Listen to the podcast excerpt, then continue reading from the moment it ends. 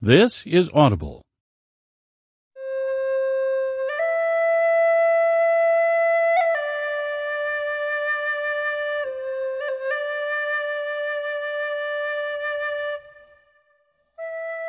Amber Allen Publishing presents The Four Agreements, a practical guide to personal freedom, written by Don Miguel Ruiz and read by Peter Coyote.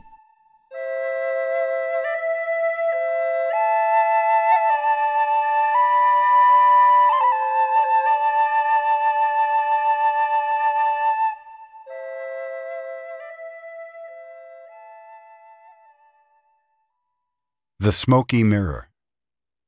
Three thousand years ago, there was a human, just like you and me, who lived near a city surrounded by mountains. The human was studying to become a medicine man, to learn the knowledge of his ancestors, but he didn't completely agree with everything he was learning. In his heart, he felt there must be something more. One day, as he slept in a cave, he dreamed that he saw his own body sleeping. He came out of the cave on the night of a new moon. The sky was clear, and he could see millions of stars. Then something happened inside of him that transformed his life forever.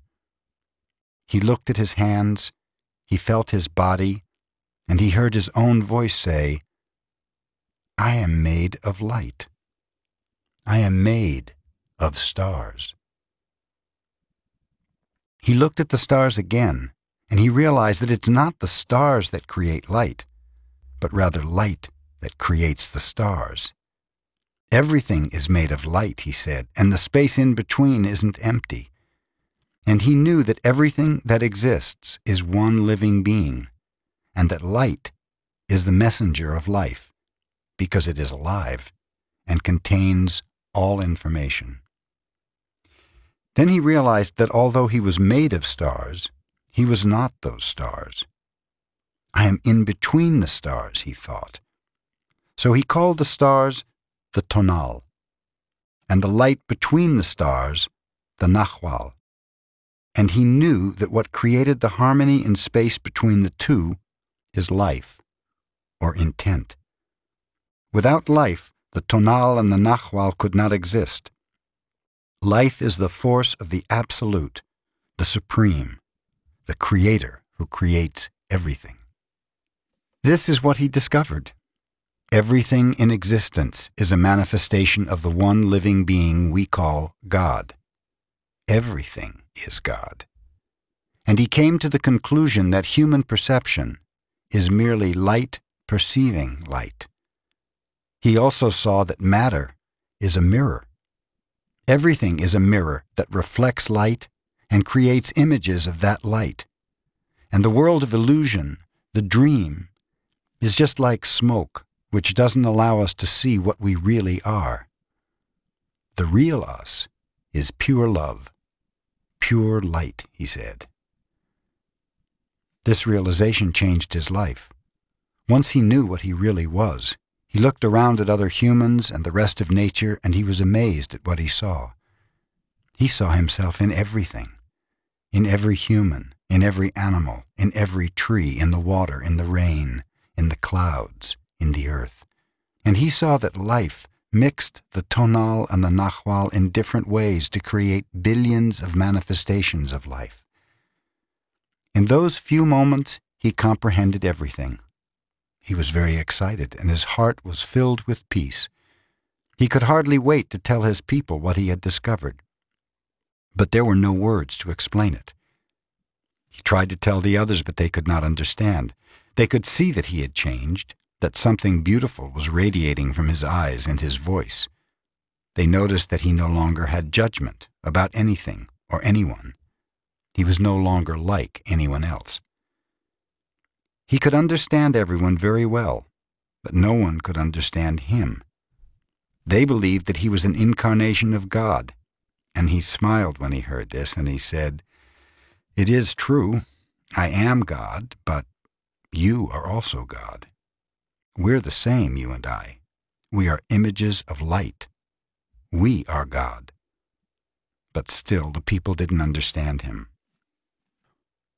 He had discovered that he was a mirror for the rest of the people, a mirror in which he could see himself.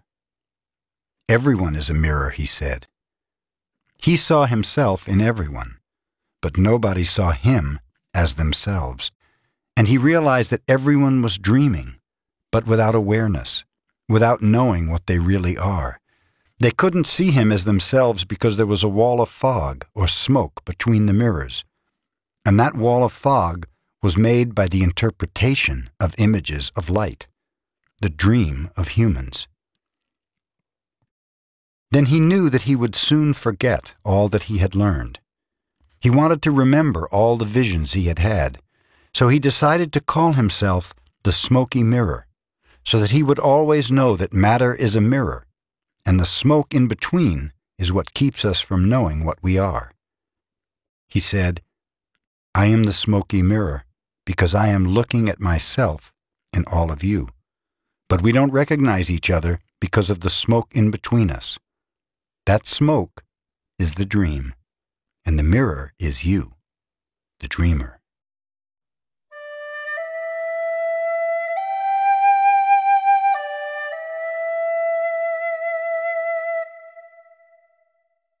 Domestication and the Dream of the Planet. What you are seeing and hearing right now is nothing but a dream. You're dreaming right now in this moment. You're dreaming with the brain awake. Dreaming is the main function of the mind, and the mind dreams 24 hours a day. It dreams when the brain is awake, and it also dreams when the brain is asleep. The difference is that when the brain is awake, there is a material frame that makes us perceive things in a linear way. When we go to sleep, we do not have the frame, and the dream has the tendency to change constantly.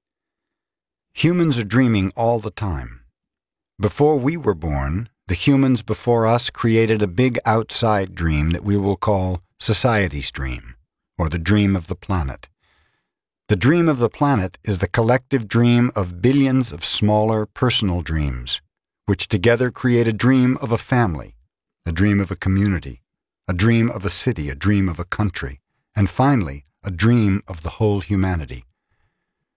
The dream of the planet includes all of society's rules, its beliefs, its laws, its religions, its different cultures and ways to be, its governments, schools, social events, and holidays. We are born with the capacity to learn how to dream, and the humans who live before us teach us how to dream the way society dreams. The outside dream has so many rules that when a new human is born, we hook the child's attention and introduce these rules into his or her mind. The outside dream uses mom and dad, the schools, and religion to teach us how to dream. Attention is the ability we have to discriminate and to focus only on that which we want to perceive. We can perceive millions of things simultaneously, but using our attention, we can hold whatever we want to perceive in the foreground of our mind. The adults around us hooked our attention and put information into our minds through repetition.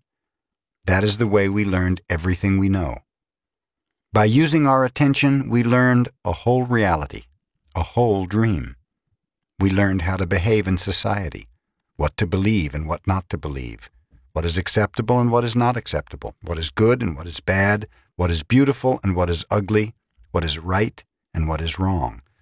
It was all there already, all that knowledge, all those rules and concepts about how to behave in the world. When you were in school, you sat in a little chair and put your attention on what the teacher was teaching you.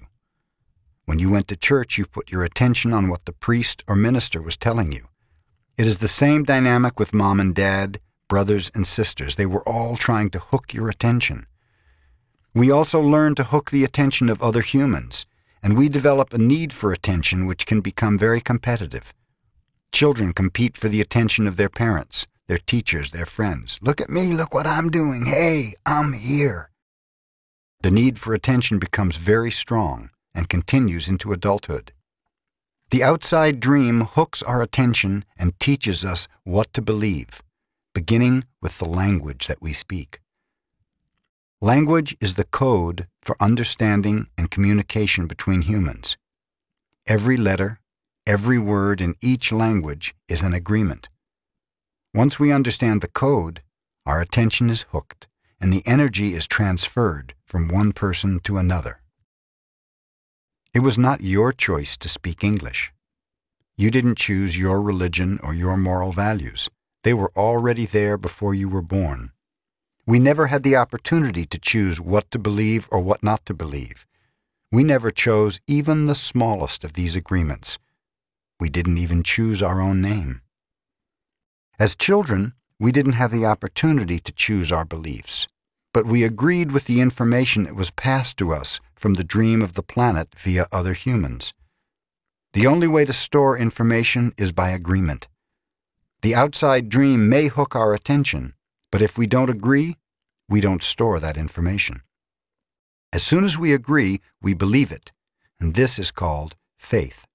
To have faith is to believe unconditionally. That's how we learn as children. Children believe everything adults say. We agree with them, and our faith is so strong that the belief system controls our whole dream of life. We didn't choose these beliefs, and we may have rebelled against them, but we were not strong enough to win the rebellion. The result is surrender to the beliefs with our agreement. I call this process the domestication of humans. And through this domestication, we learn how to live and how to dream. In human domestication, the information from the outside dream is conveyed to the inside dream, creating our whole belief system. First, the child is taught the names of things mom, dad, milk, bottle. Day by day, at home, at school, at church, and from television, we are told how to live, what kind of behavior is acceptable. The outside dream teaches us how to be a human. We have a whole concept of what a woman is and what a man is, and we also learn to judge. We judge ourselves, we judge other people, we judge the neighbors. Children are domesticated the same way that we domesticate a dog a cat, or any other animal. In order to teach a dog, we punish the dog, and we give it rewards. We train our children whom we love so much the same way that we train any domesticated animal, with a system of punishment and reward. We're told, you're a good boy, or you're a good girl when we do what mom and dad want us to do. When we don't, we are a bad girl or a bad boy. When we went against the rules, we were punished. When we went along with the rules, we got a reward. We were punished many times a day, and we were also rewarded many times a day. Soon we became afraid of being punished and also afraid of not receiving the reward. The reward is the attention that we got from our parents or from other people like siblings, teachers, and friends. We soon develop a need to hook other people's attention in order to get the reward. The reward feels good, and we keep doing what others want us to do in order to get the reward. With that fear of being punished and that fear of not getting the reward, we start pretending to be what we are not, just to please others, just to be good enough for someone else. We try to please mom and dad, we try to please the teachers at school, we try to please the church, and so we start acting. We pretend to be what we are not because we are afraid of being rejected. The fear of being rejected becomes the fear of not being good enough. Eventually, we become someone that we are not. We become a copy of mama's beliefs, daddy's beliefs, society's beliefs, and religion's beliefs. All our normal tendencies are lost in the process of domestication. And when we're old enough for our mind to understand, we learn the word no. The adults say, don't do this and don't do that. We rebel and say no because we are defending our freedom. We want to be ourself, but we are very little, and the adults are big and strong. After a certain time, we are afraid because we know that every time we do something wrong, we're going to be punished. The domestication is so strong that at a certain point in our life we no longer need anyone to domesticate us. We don't need mom or dad, the school or the church to domesticate us. We're so well trained that we are our own domesticator. We are an auto-domesticated animal. We can now domesticate ourselves according to the same belief system we were given and using the same system of punishment and reward. We punish ourselves when we don't follow the rules according to our belief system. We reward ourselves when we are the good boy or the good girl. Just as the government has a book of laws that rule the society's dream, our belief system is the book of laws that rules our mind. Without question, whatever is in that book of law is our truth. We base all of our judgments according to the book of law, even if these judgments go against our own inner nature.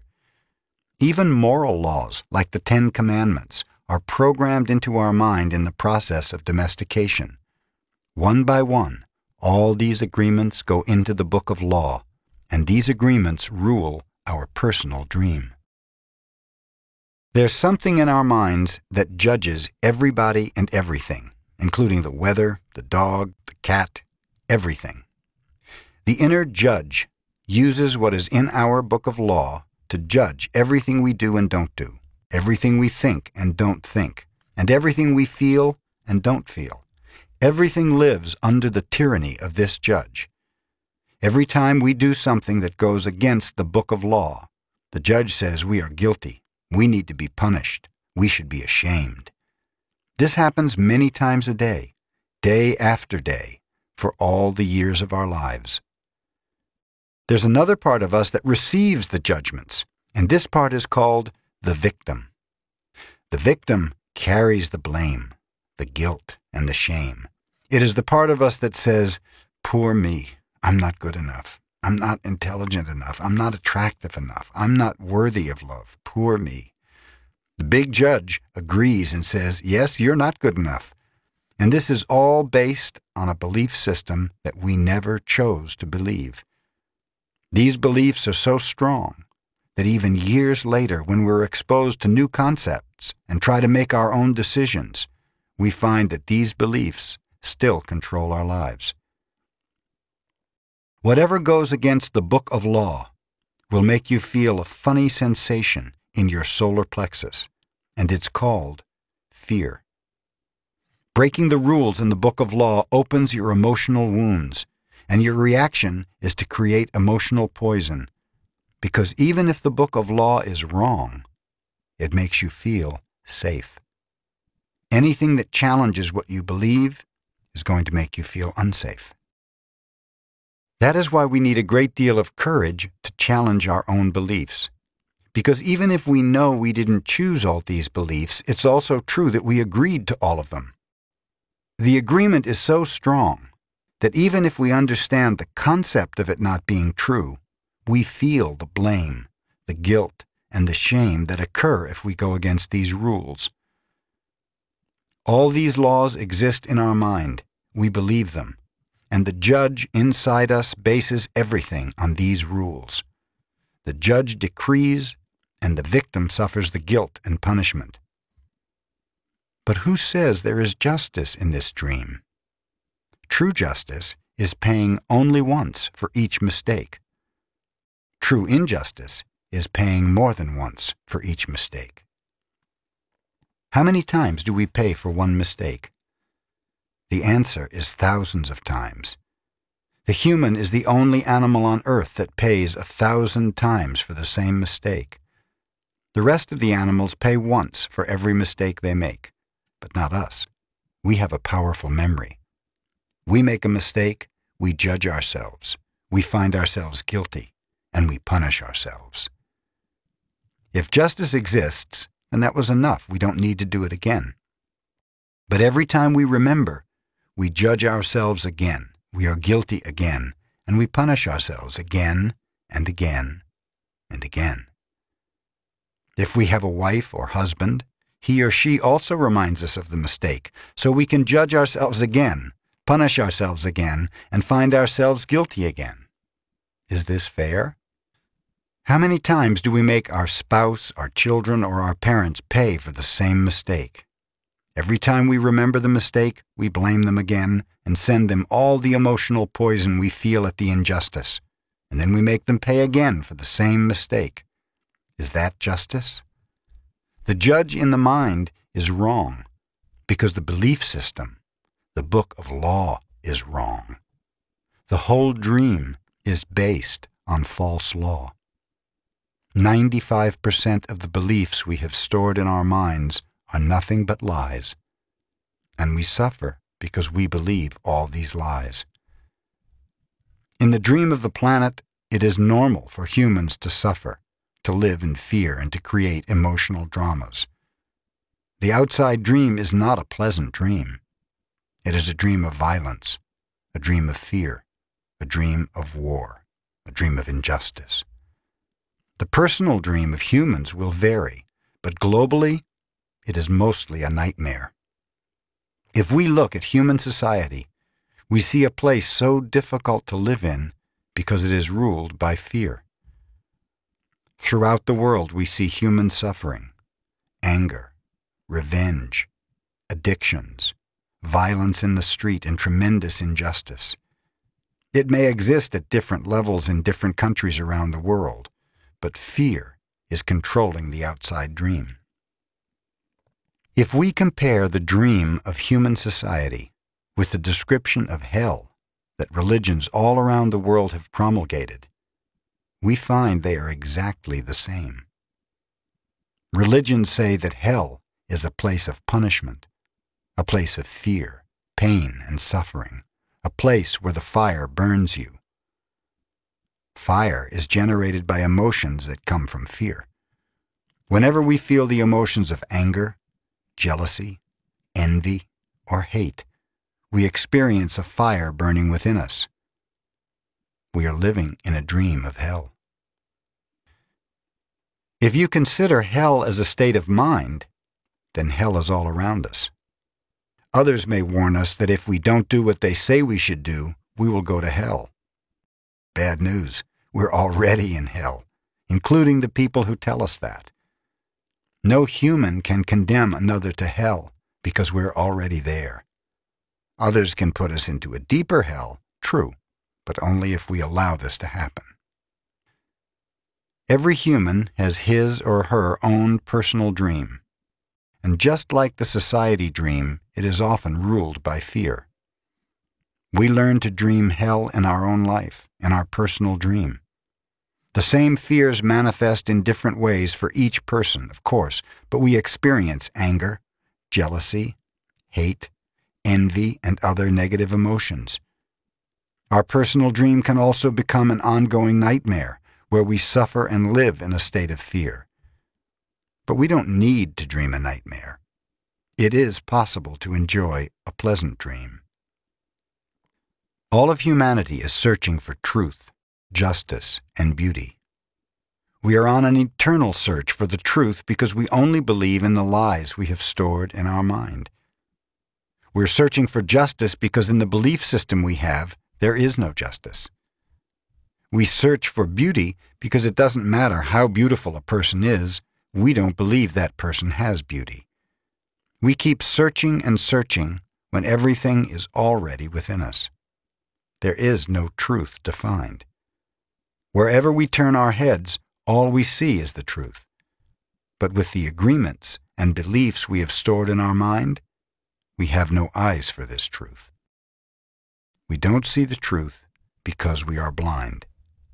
What blinds us are all those false beliefs we have in our mind. We have the need to be right and to make others wrong. We trust what we believe and our beliefs set us up for suffering. It is as if we live in the middle of a fog that doesn't let us see any further than our own nose. This fog is our personal dream of life, everything we believe about ourself and the world, all the concepts we have about what we are, all the agreements we have made with others, with ourselves, and even with God.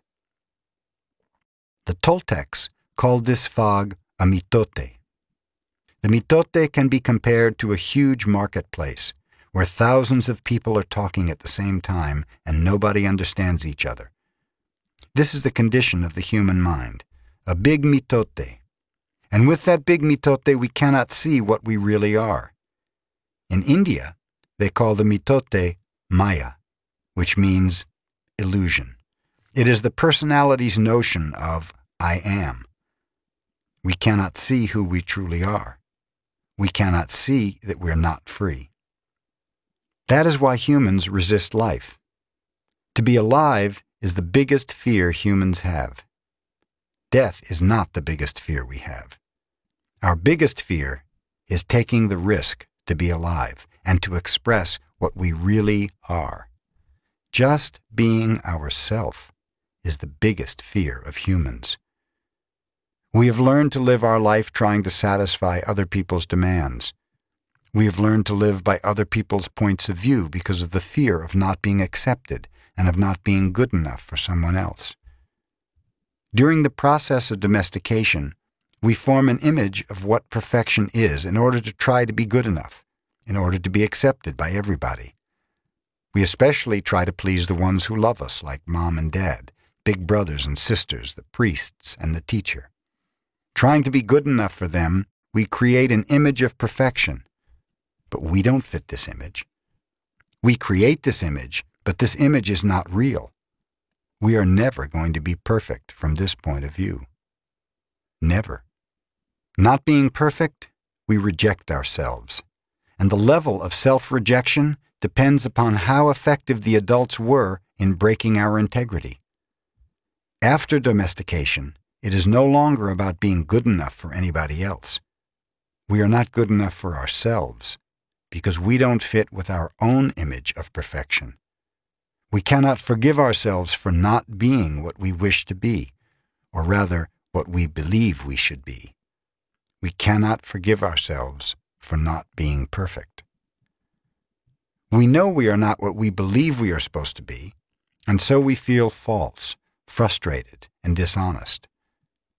We try to hide ourselves and we pretend to be what we are not. The result is that we feel unauthentic and wear social masks to keep others from noticing this. We are so afraid that somebody else will notice that we are not what we pretend to be.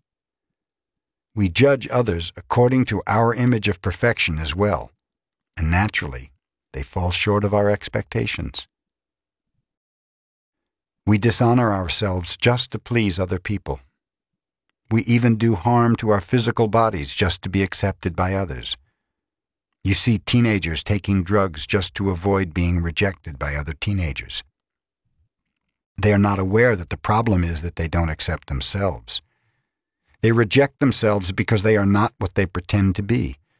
They wish to be a certain way, but they are not, and for this they carry shame and guilt.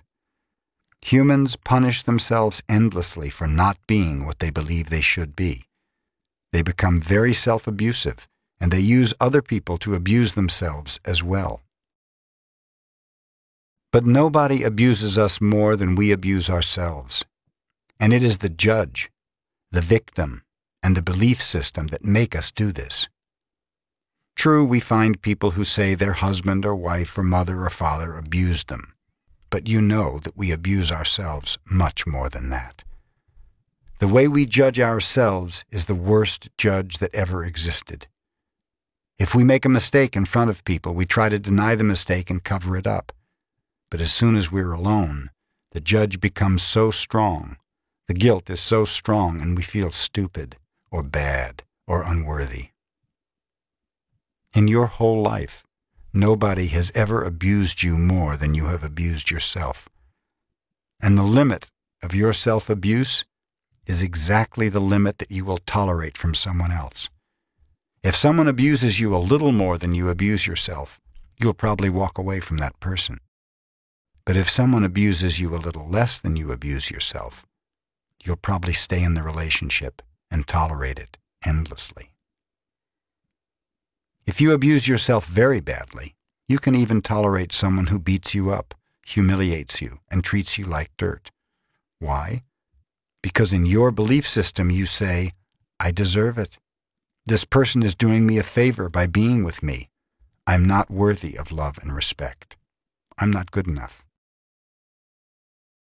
We have the need to be accepted and to be loved by others, but we cannot accept and love ourselves. The more self-love we have, the less we will experience self-abuse.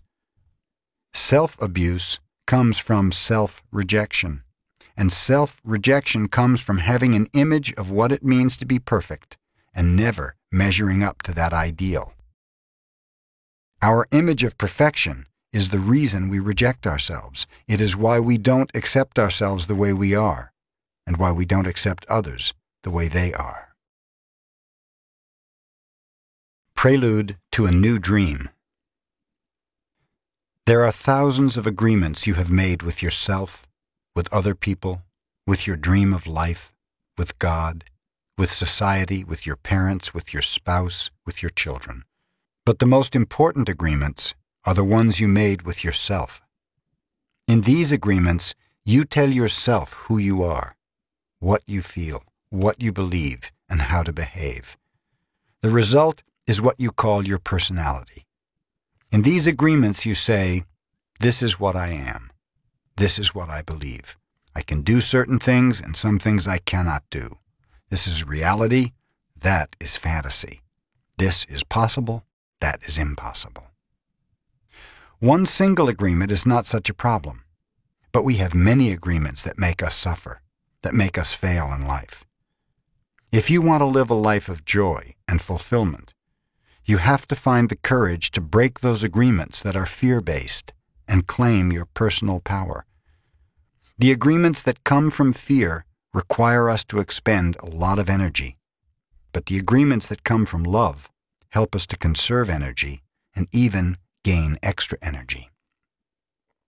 Each of us is born with a certain amount of personal power that we rebuild every day after we rest. Unfortunately, we spend all our personal power first to create all these agreements, and then to keep these agreements. Our personal power is dissipated by all the agreements we have created, and the result is that we feel powerless.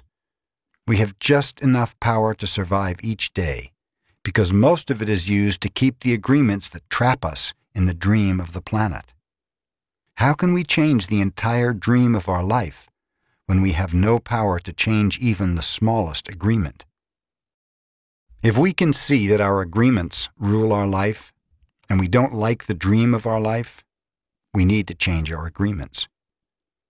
When we're finally ready to change our agreements, there are four very powerful agreements that will help us break those agreements that come from fear and deplete our energy. Each time you break an agreement, all the power you use to create it returns to you. If you adopt these four new agreements, they will create enough personal power for you to change the entire system of your old agreements. You need a very strong will in order to adopt the four agreements. But if you can begin to live your life with these agreements, the transformation in your life will be amazing. You will see the drama of hell disappear right before your eyes. Instead of living in a dream of hell, you will be creating a new dream, your personal dream of heaven.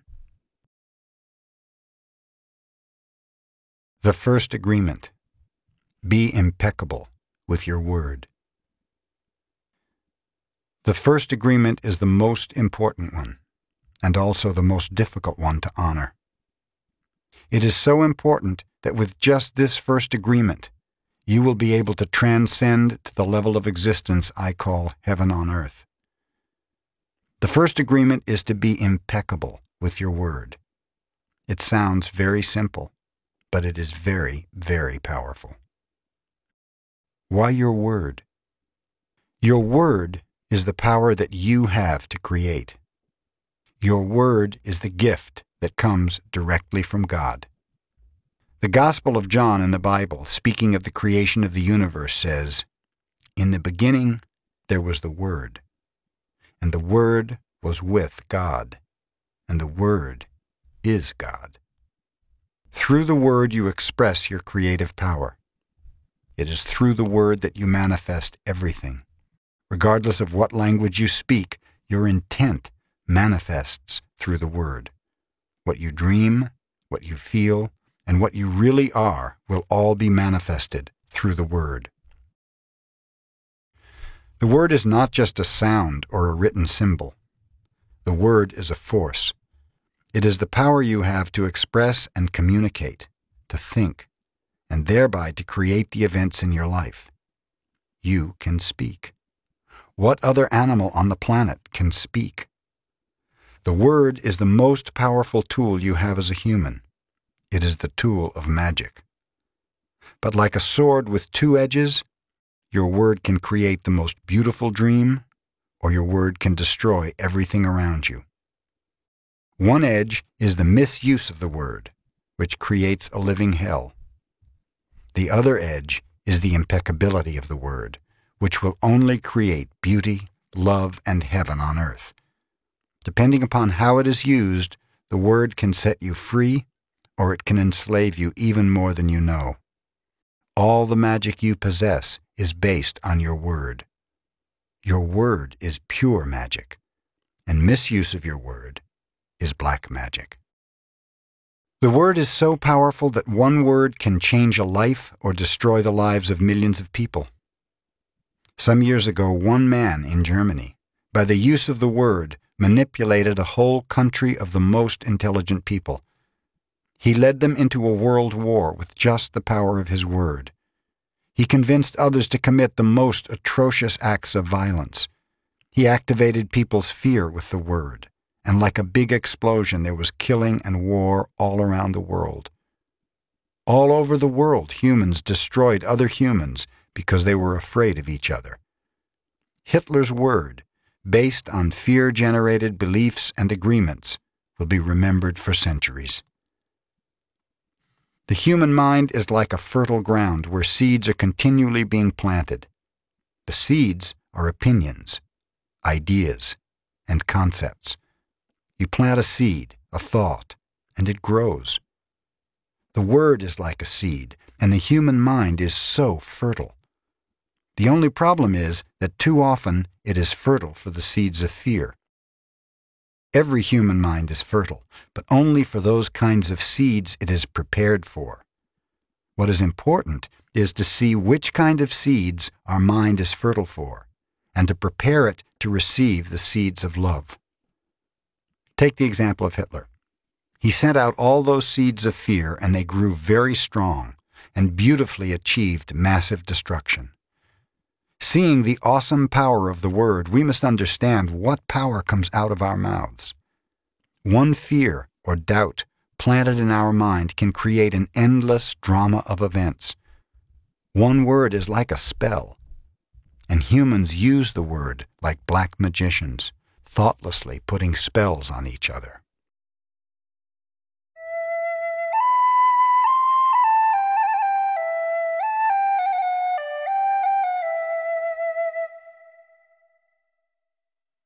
Every human is a magician, and we can either put a spell on someone with our word, or we can release someone from a spell. We cast spells all the time with our opinions. An example. I see a friend and give him an opinion that just popped into my mind. I say, Hmm, I see that kind of color in your face in people who are going to get cancer. If he listens to the word, and if he agrees, he'll have cancer in less than one year. That is the power of the Word.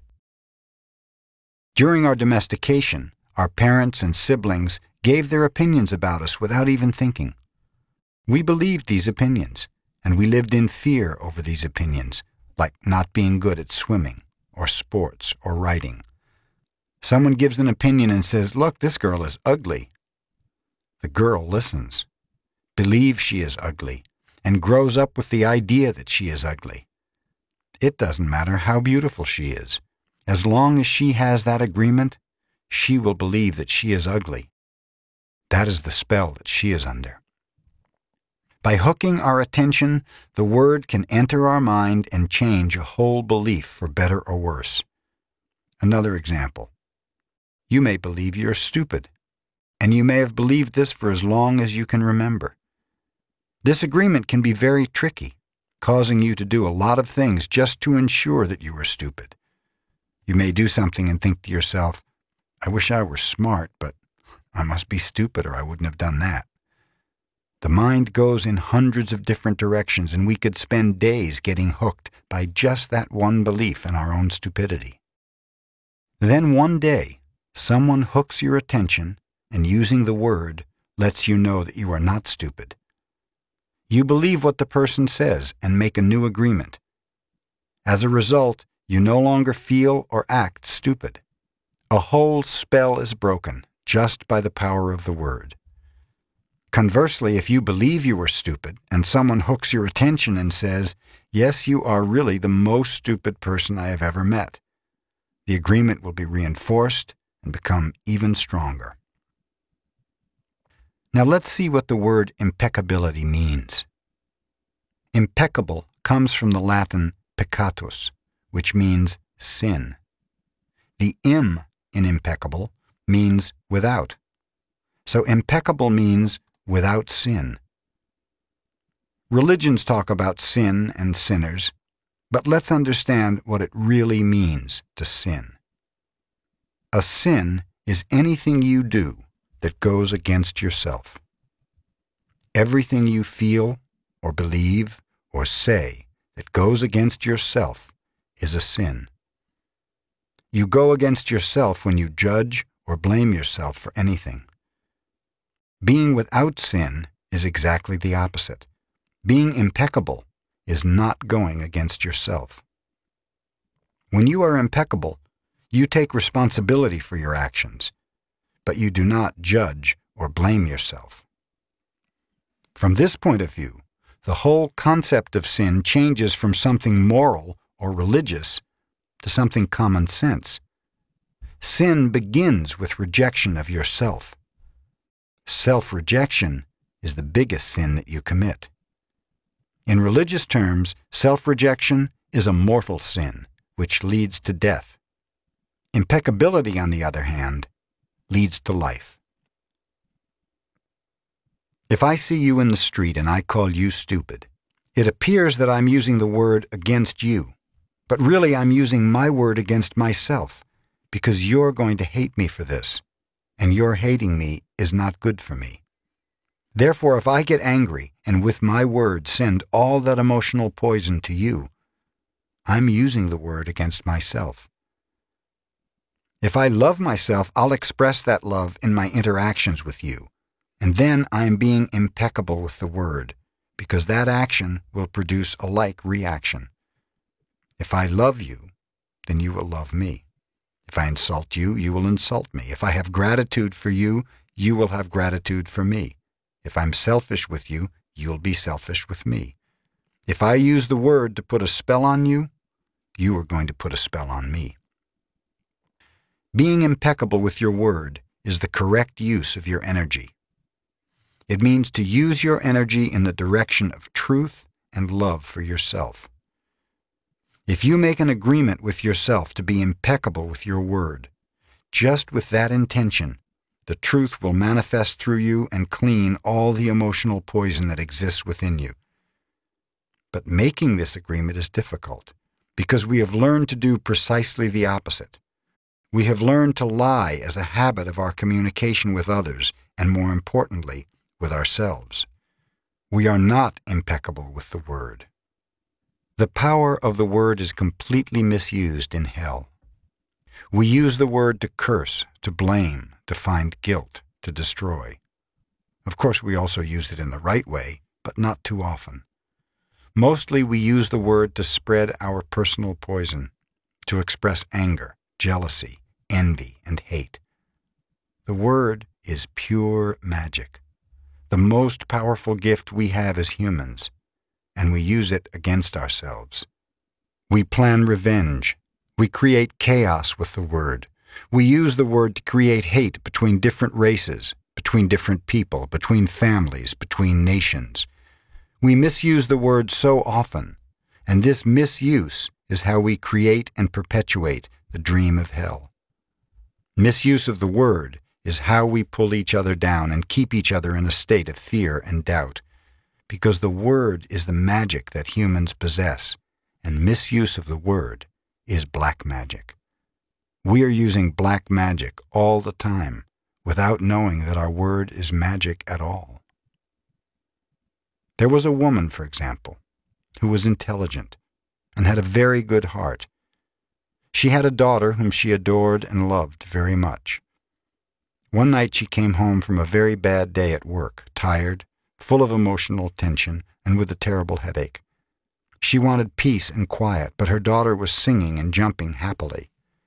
The daughter was unaware of how her mother was feeling. She was in her own world, in her own dream. She felt so wonderful, and she was jumping and singing louder and louder, expressing her joy and her love. She was singing so loud that it made her mother's headache even worse, and at a certain moment the mother lost control.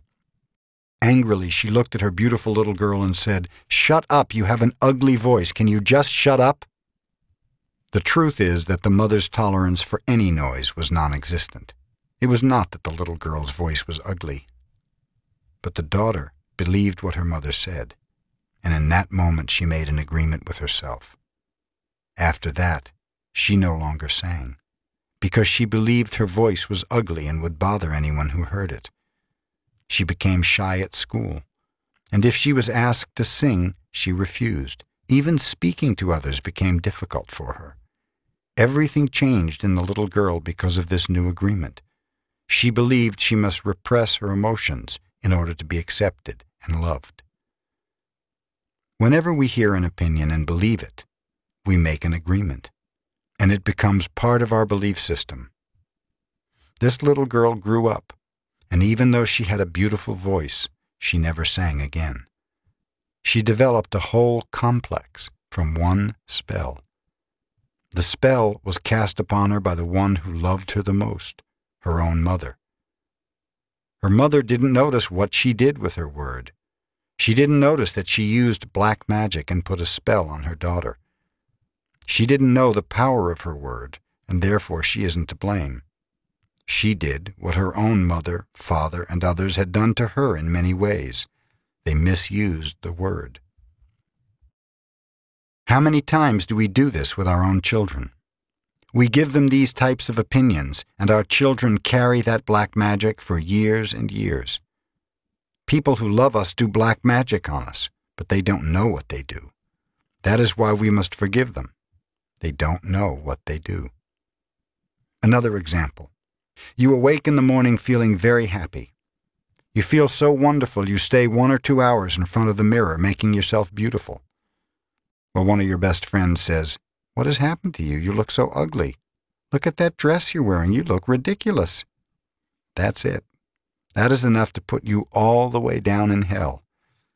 Maybe this girlfriend just told you this to hurt you. And she did. She gave you an opinion with all the power of her word behind it. If you accept the opinion, it becomes an agreement now, and you put all your power into that opinion. That opinion becomes black magic. These types of spells are difficult to break. The only thing that can break a spell is to make a new agreement based on truth. The truth is the most important part of being impeccable with your word. On one side of the sword are the lies which create black magic. And on the other side of the sword is the truth which has the power to break the spell of black magic. Only the truth will set us free. Looking at everyday human interactions, imagine how many times we cast spells on each other with our word.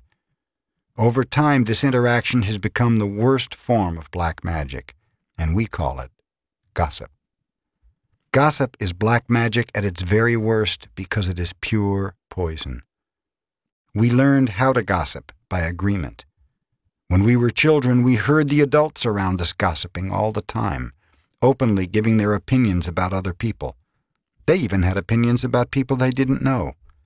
Emotional poison was transferred along with the opinions, and we learned this as the normal way to communicate.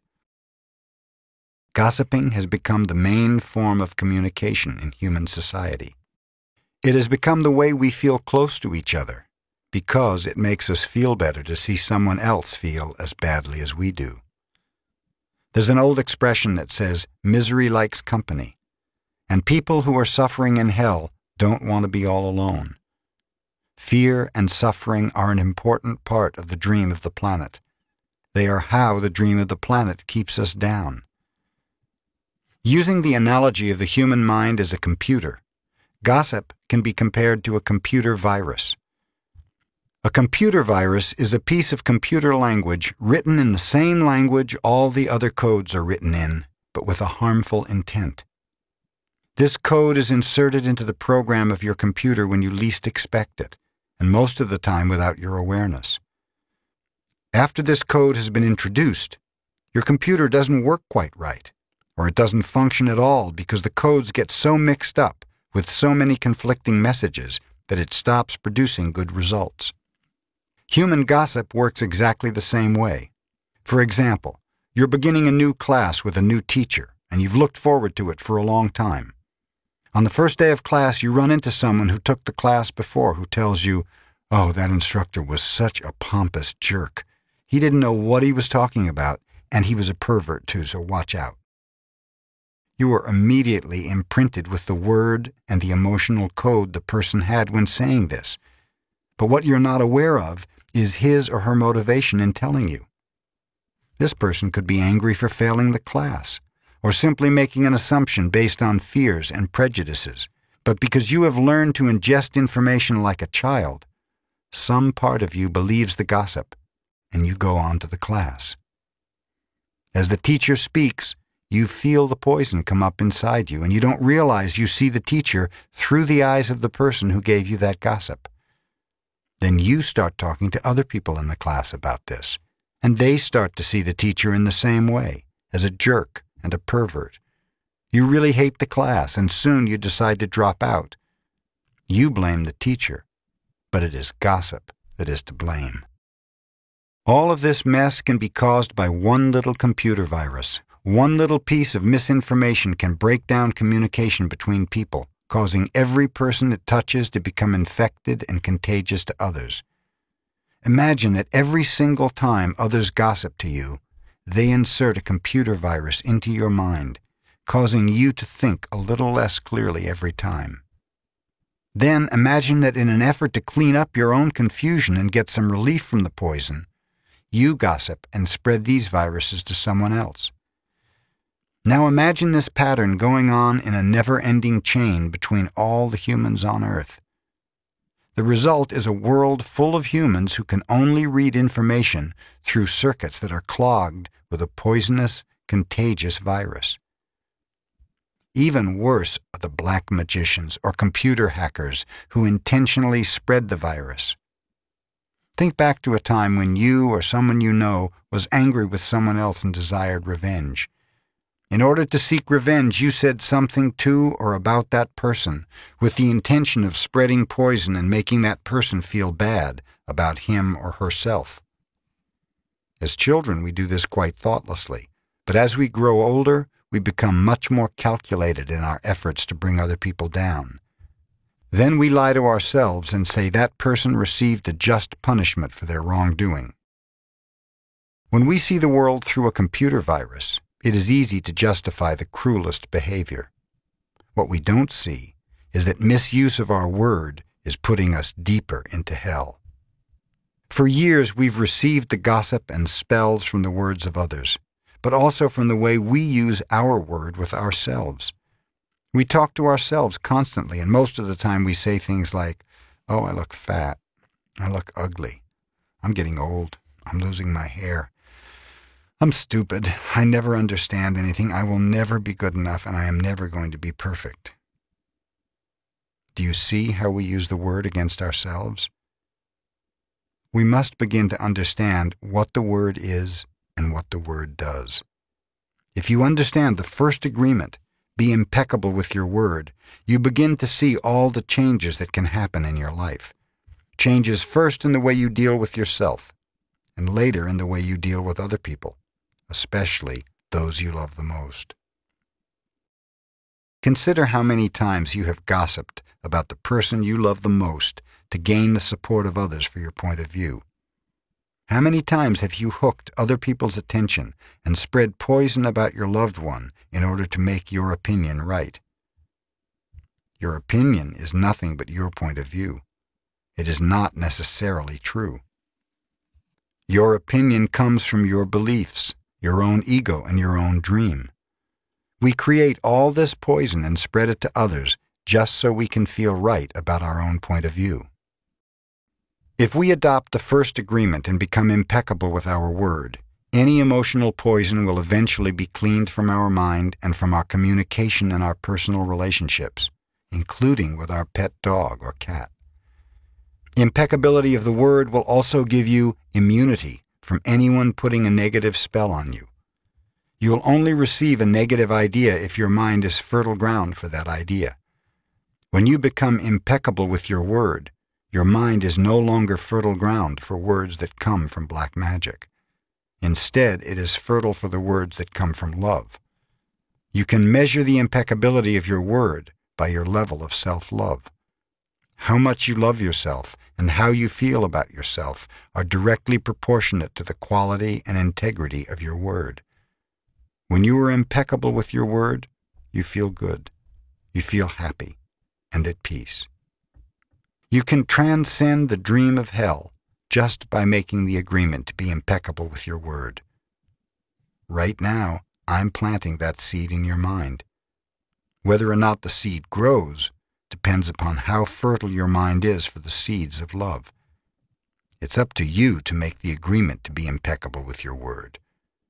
Nurture this seed, and as it grows in your mind, it will generate more seeds of love to replace the seeds of fear. The first agreement will change the kind of seeds your mind is fertile for. The first agreement is one you should make if you want to be free, if you want to be happy, if you want to transcend the level of existence that is hell. To be impeccable with your word is very powerful. Use the word in the correct way. Use the word to share your love. Use white magic, beginning with yourself. Tell yourself how wonderful you are how great you are. Tell yourself how much you love yourself. Use the word to break all those teeny tiny agreements that make you suffer. Just this one agreement can change your whole life. Impeccability of the word can lead you to personal freedom, to huge success and abundance. It can take away all fear and transform it into joy and love. Just imagine what you can create with impeccability of the word you can transcend the dream of fear and live a different life. You can live in heaven in the middle of thousands of people living in hell because you are immune to that hell. You can attain the kingdom of heaven from this one agreement. Be impeccable with your word. The second agreement. Don't take anything personally. The second agreement is don't take anything personally. Whatever happens around you, don't take it personally. Using an earlier example, if I see you on the street and I say, hey, you are so stupid, without knowing you, it's not about you, it's about me. If you take it personally, then perhaps you believe you're stupid. Maybe you think to yourself, how does he know? Is he clairvoyant? Or can everybody see how stupid I am? You take it personally because you agree with whatever was said. As soon as you agree, the poison goes through you, and you are trapped in the dream of hell. What causes you to be trapped is what we call personal importance. Personal importance, or taking things personally, is the maximum expression of selfishness because we make the assumption that everything is about me. During the period of our education or our domestication, we learn to take everything personally. We think we are responsible for everything. Me, me, always me. Nothing other people do is because of you. It is because of themselves. All people live in their own dream, in their own mind. They are in a completely different world from the one we live in. When we take something personally, we make the assumption that they know what is in our world, and we try to impose our world on their world. Even when a situation seems so personal, even if others insult you directly, it has nothing to do with you. What they say, what they do, and the opinions they give are according to the agreements they have in their own minds. Their point of view comes from all the programming they received during domestication. If someone gives you an opinion and says, Hey, you look so fat, don't take it personally. Because the truth is that this person is dealing with his or her own feelings, beliefs, and opinions. That person tried to send poison to you. And if you take it personally, then you take that poison and it becomes yours. Taking things personally makes you easy prey for these predators, the black magicians. They can hook you easily with one little opinion and feed you whatever poison they want, and because you take it personally, you eat it up. You eat all their emotional garbage, and now it becomes your garbage. But if you do not take things personally, you are immune in the middle of hell. Immunity to poison in the middle of hell is the gift of this agreement. When you take things personally, you feel offended, and your reaction is to defend your beliefs and create conflicts. You make something big out of something so little because you have the need to be right and make everybody else wrong. You also try hard to be right by giving them your own opinions. In the same way, whatever you feel and do is just a projection of your own personal dream, a reflection of your own agreements.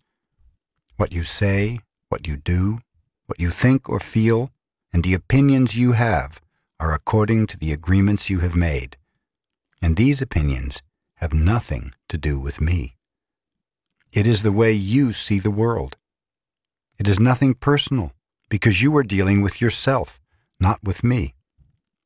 Others are going to have their own opinion according to their belief system.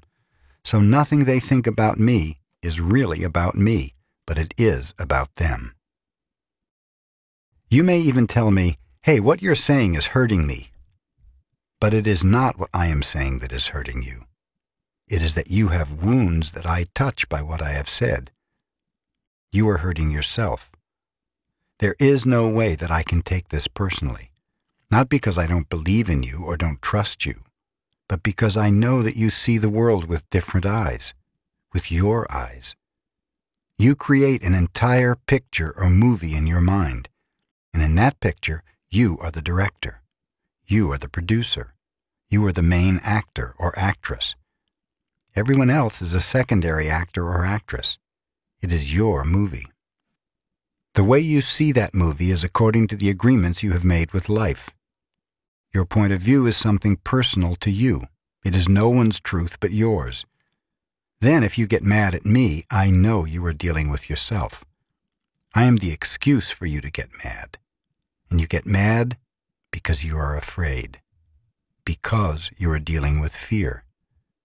If you're not afraid, there is no way you will get mad at me or hate me. If you're not afraid, there's no way you'll be jealous or sad. If you live without fear, if you love, there is no place for any of those emotions. If you don't feel any of those emotions, it is logical that you will feel good. When you feel good, everything around you is good. When everything around you is great, everything makes you happy. You're loving everything that's around you because you're loving yourself. You're happy with the movie that you're producing happy with your agreements with life. You're at peace and you live in that state of bliss where everything is wonderful and everything is beautiful. In that state of bliss, you are making love all the time with everything that you perceive. Whatever people do, feel, think, or say, don't take it personally. If they tell you how wonderful you are, they're not saying that because of you. You know you're wonderful. It is not necessary to believe other people who tell you that you're wonderful. Don't take anything personally. Even if someone got a gun and shot you in the head, it was nothing personal. Even at that extreme. Even the opinions you have about yourself are not necessarily true. Therefore, you don't need to take whatever you hear in your own mind personally. The mind has the ability to talk to itself, but it also has the ability to hear information that is available from other realms. Sometimes you hear a voice in your mind and you may wonder where it came from. The mind lives in more than one dimension. There may be times when you have ideas that don't originate in your mind, but you're perceiving them with your mind. You have the right to believe or not believe these voices, and the right not to take what they say personally. You have a choice, just as you have a choice of what to believe and agree with in the dream of the planet. The mind can also talk and listen to itself. Part of the mind is speaking and the other part is listening. It is a big problem when so many parts of your mind are all speaking at the same time. Each one has different thoughts and feelings. Each one has a different point of view. The programming in the mind, all of those agreements we have made, are not necessarily compatible with each other.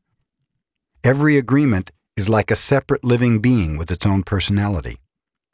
All these little living beings create inner conflict because they're alive and they each have a voice.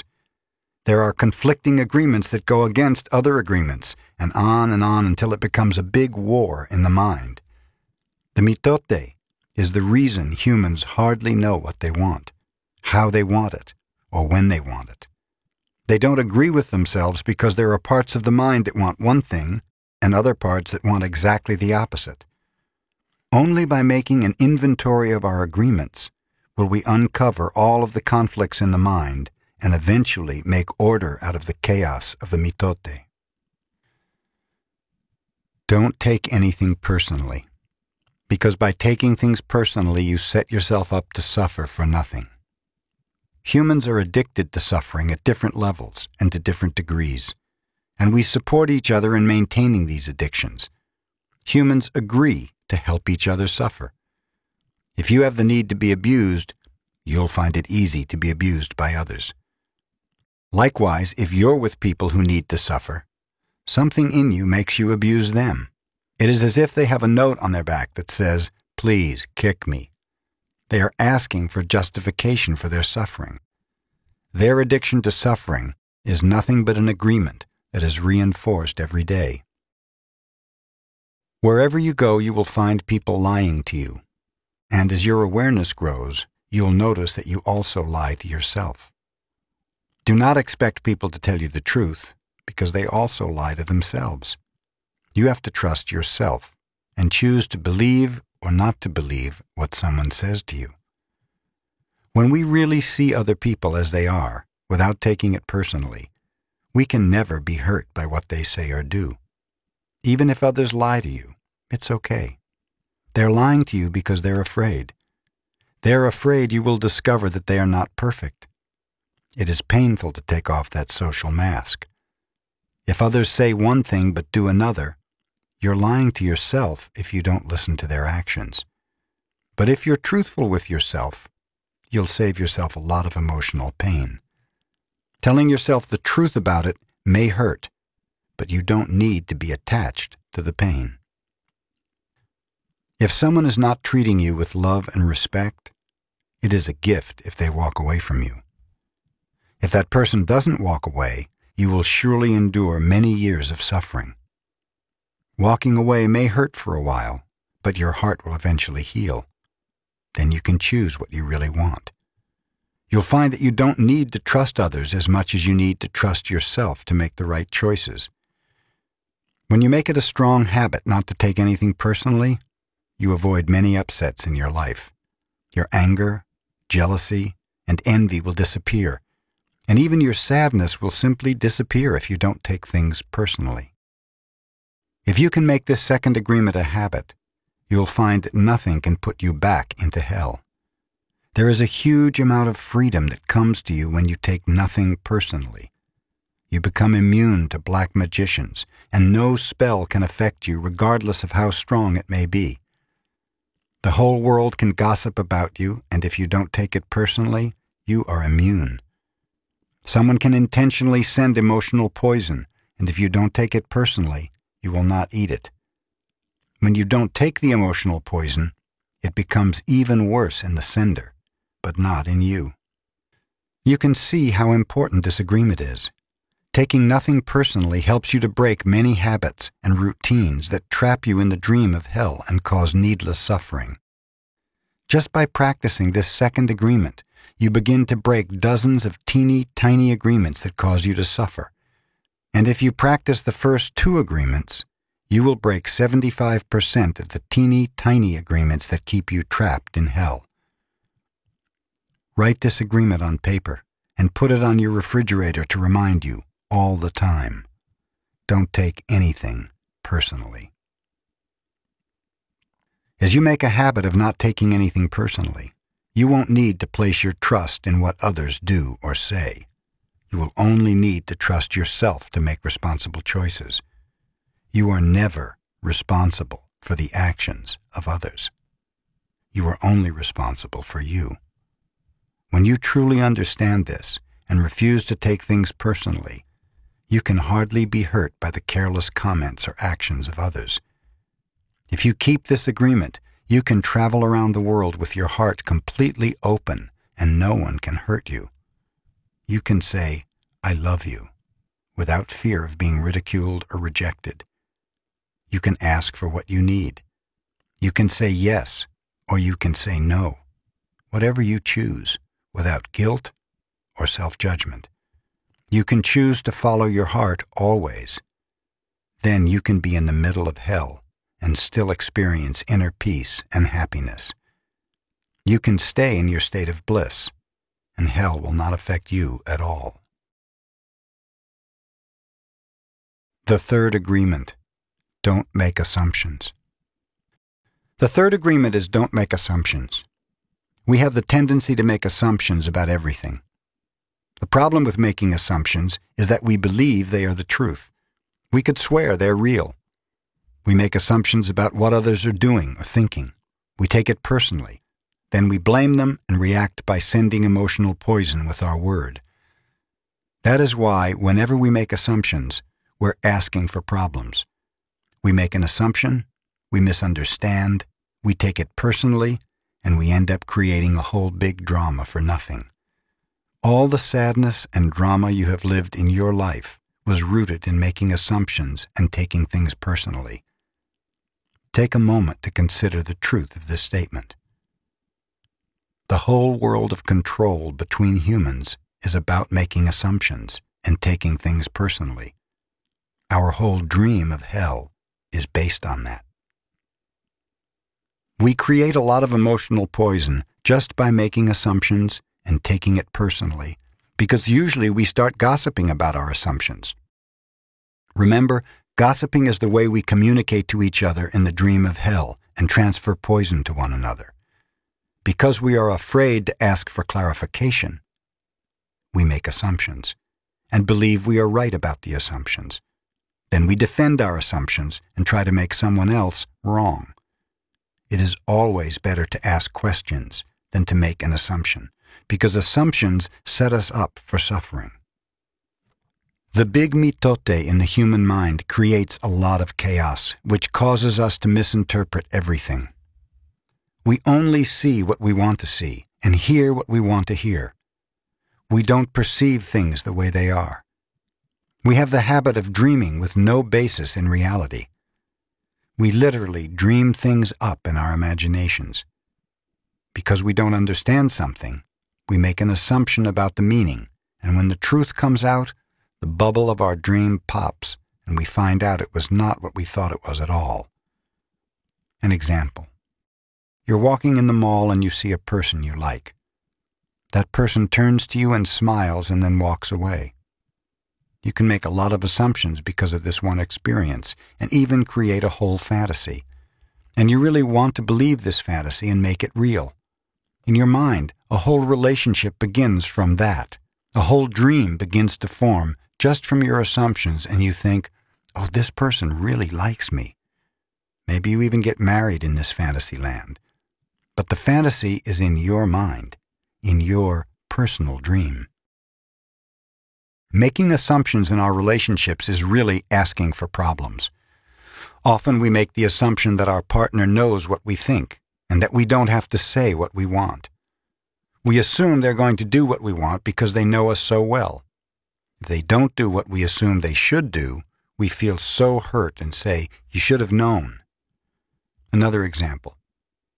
You decide to get married and you make the assumption that your partner sees marriage the same way that you do.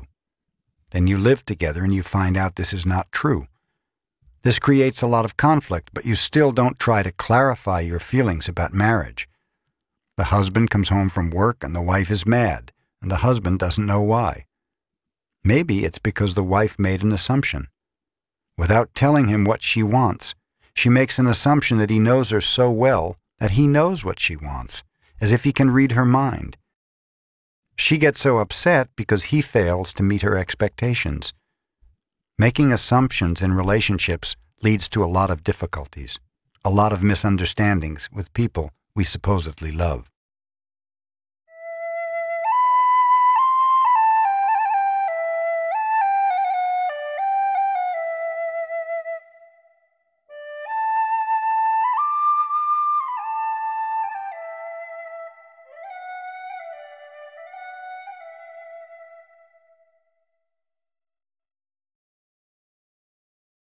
In any kind of relationship, we can make the assumption that others know what we think, and we don't have to say what we want. They're going to do what we want because they know us so well. If they don't do what we want, what we assume they should do, we feel hurt and think, how could you do that? You should know. Again, we make the assumption that the other person knows what we want. A whole drama is created because we make this assumption and then put more assumptions on top of it. It is very interesting how the human mind works. We have the need to justify everything, to explain and understand everything in order to feel safe. We have millions of questions that need answers because there are so many things that the reasoning mind cannot explain. It is not important if the answer is correct. Just the answer itself makes us feel safe. This is why we make assumptions. If others tell us something, we make assumptions. And if they don't tell us something, we make assumptions to fulfill our need to know and to replace the need to communicate. Even if we hear something and we don't understand, we make assumptions about what it means and then believe the assumptions. We make all sorts of assumptions because we don't have the courage to ask questions. These assumptions are made so fast and unconsciously most of the time because we have agreements to communicate this way. We have agreed that it is not safe to ask questions. We have agreed that if people love us, they should know what we want or how we feel. When we believe something, we assume we are right about it to the point that we will destroy relationships in order to defend our position.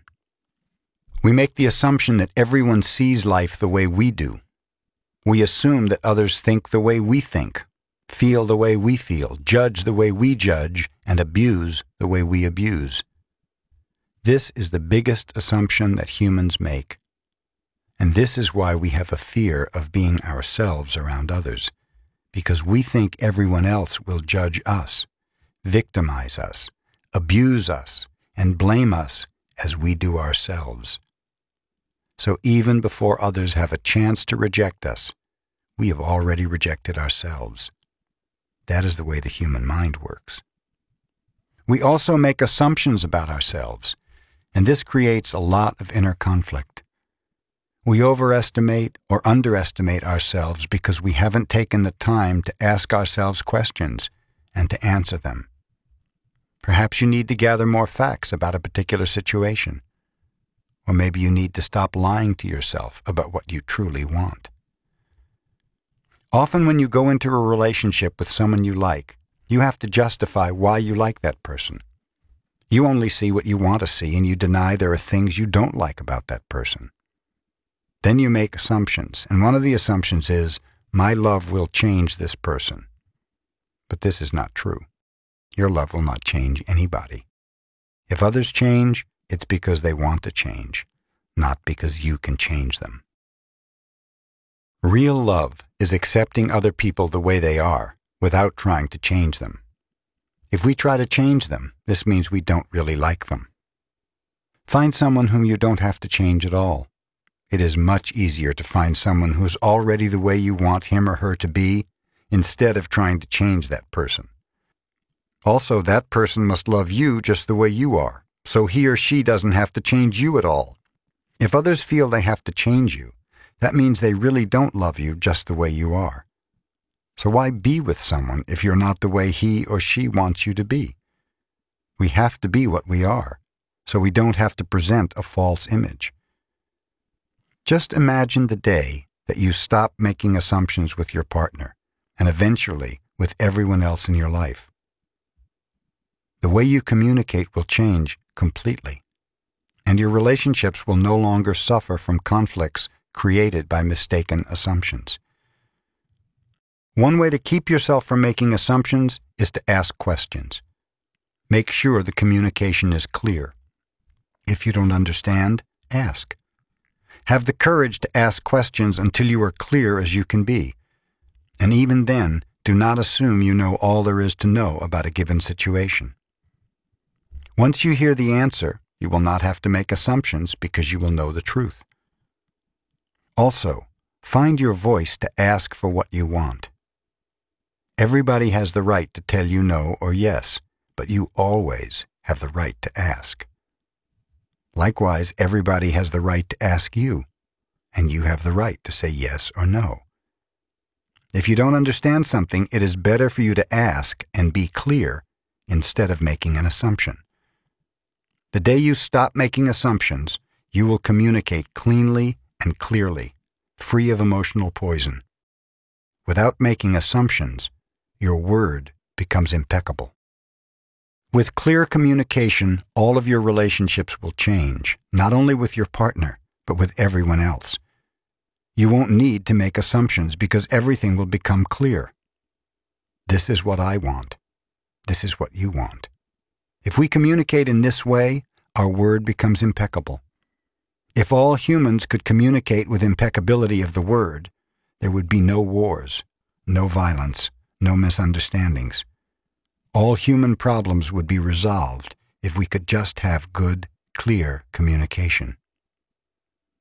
This, then, is the third agreement. Don't make assumptions. Just saying this sounds easy, but it is difficult to do. It is difficult because we so often do exactly the opposite. We have all these habits and routines that we are not even aware of. Becoming aware of these habits and understanding the importance of this agreement is the first step. But understanding its importance is not enough. Information or an idea is merely the seed in your mind. What will really make the difference is action. Taking the action over and over again strengthens your will, nurtures the seed, and establishes a solid foundation for the new habit to grow. After many repetitions, these new agreements will become second nature, and you will see how the magic of your word transforms you from a black magician into a white magician. A white magician uses the word for creation, giving, sharing, and loving. By making this one agreement a habit, your whole life will be completely transformed. When you transform your whole dream, magic just happens in your life. What you need comes to you easily because Spirit moves freely through you. This is the mastery of intent, the mastery of love and gratitude, and the mastery of life. This is the goal of the Toltec. This is the path to personal freedom. The fourth agreement. Always do your best. There is just one more agreement, but it's the one that allows the other three to become deeply ingrained habits. The fourth agreement is about the action of the first three. Always do your best. Under any circumstance, always do your best. No more and no less. But keep in mind that your best is never going to be the same from one moment to the next. Everything is alive and changing all the time, so your best will sometimes be high quality, and other times it will not be as good. When you wake up refreshed and energized in the morning, your best will be better than when you're tired at night. Your best will be different when you're healthy as opposed to sick or sober as opposed to drunk. Your best will depend on whether you're feeling wonderful and happy or angry and upset. In your everyday moods, your best can change from one moment to another, from one hour to the next, from one day to another. Your best will also change over time. As you build the habit of the four new agreements, your best will become better than it used to be. Regardless of the quality, keep doing your best. No more and no less than your best. If you try too hard to do more than your best, you will spend more energy than is needed, and in the end, your best will not be enough. When you overdo, you deplete your body and go against yourself. Then it takes you longer to accomplish your goal. But if you do less than your best, you subject yourself to frustrations, self-judgment, guilt, and regrets. Just do your best. In any circumstance in your life, it doesn't matter if you're sick or tired. If you always do your best, there is no way you can judge yourself. And if you don't judge yourself, there is no way you're going to suffer from guilt, blame, and self-punishment. By always doing your best, you will break a big spell that you have been under. Doing your best, you're going to live your life intensely. You're going to be productive. You're going to be good to yourself because you will be giving yourself to your family, to your community, to everything. When you always do your best, you take action, and it is the action that is going to make you feel intensely happy. Doing your best is taking the action because you love it, not because you're expecting a reward. Most people do exactly the opposite. They only take action when they expect a reward, and they don't enjoy the action. And that's the reason why they don't do their best. For example, most people go to work every day just thinking of payday and the money they will get from the work they're doing. They can hardly wait for Friday or Saturday, whatever day they receive their money and can take time off. They're working for the reward, and as a result, they resist work. They try to avoid the action and it becomes more difficult and they don't do their best. They work so hard all week long, suffering the work, suffering the action, not because they like to, but because they feel they have to. They have to work because they have to pay the rent, because they have to support their family. They have all that frustration, and when they do receive their money, they are unhappy. They have two days to rest, to do what they want to do, and what do they do? They try to escape. They get drunk because they don't like themselves. They don't like their life. There are many ways that we hurt ourselves when we don't like who we are. On the other hand, if you take action just for the sake of doing it, without expecting a reward, you'll find that you enjoy every action you do. Rewards will come, but you're not attached to the reward. You can even get more than you would have imagined for yourself without expecting a reward. When you do your best, you don't give the judge the opportunity to find you guilty or to blame you. If you've done your best and the judge tries to judge you according to your book of laws, you've got the answer. I did my best. There are no regrets. That is why we always do our best. It is not an easy agreement to keep, but this agreement is really going to set you free. When you do your best, you learn to accept yourself but you have to be aware and learn from your mistakes. Learning from your mistakes means you practice. Look honestly at the results and keep practicing. This increases your awareness. Do your best because you want to do it, not because you have to do it, not because you are trying to please the judge, and not because you are trying to please other people. If you take action because you have to, then there's no way you're going to do your best then it's better not to do it. Action is about living fully. Inaction is the way that we deny life. Inaction is sitting in front of the television every day for years because you're afraid to be alive and take the risk of expressing what you are. Expressing what you are is taking action. You can have many great ideas in your head, but what makes the difference is the action. Without action upon an idea, there will be no manifestation, no results, and no reward. A good example of this comes from the story about Forrest Gump. He didn't have great ideas, but he took action. He was happy because he always did his best at whatever he did. He was richly rewarded without expecting any reward at all. Taking action is being truly alive. It's taking the risk to go out and express your dream. This is different than imposing your dream on someone else, because everyone has the right to express his or her dream. God is life in action. The best way to say, I love you, God, is to live your life doing your best. The best way to say, Thank you, God, is by letting go of the past and living in the present moment, right here and now.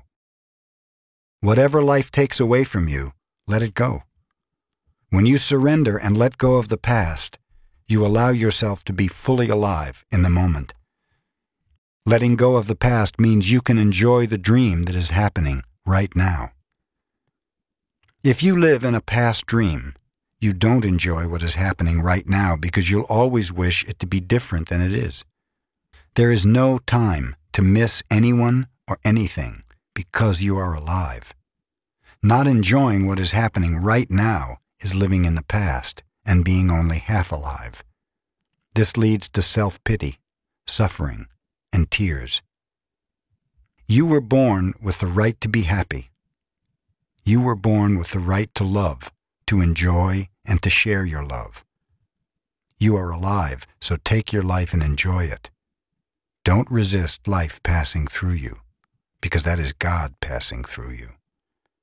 Just to be, to take a risk and enjoy your life is all that matters. Say no when you want to say no, and yes when you want to say yes. You have the right to be you, but you can only be you when you do your best.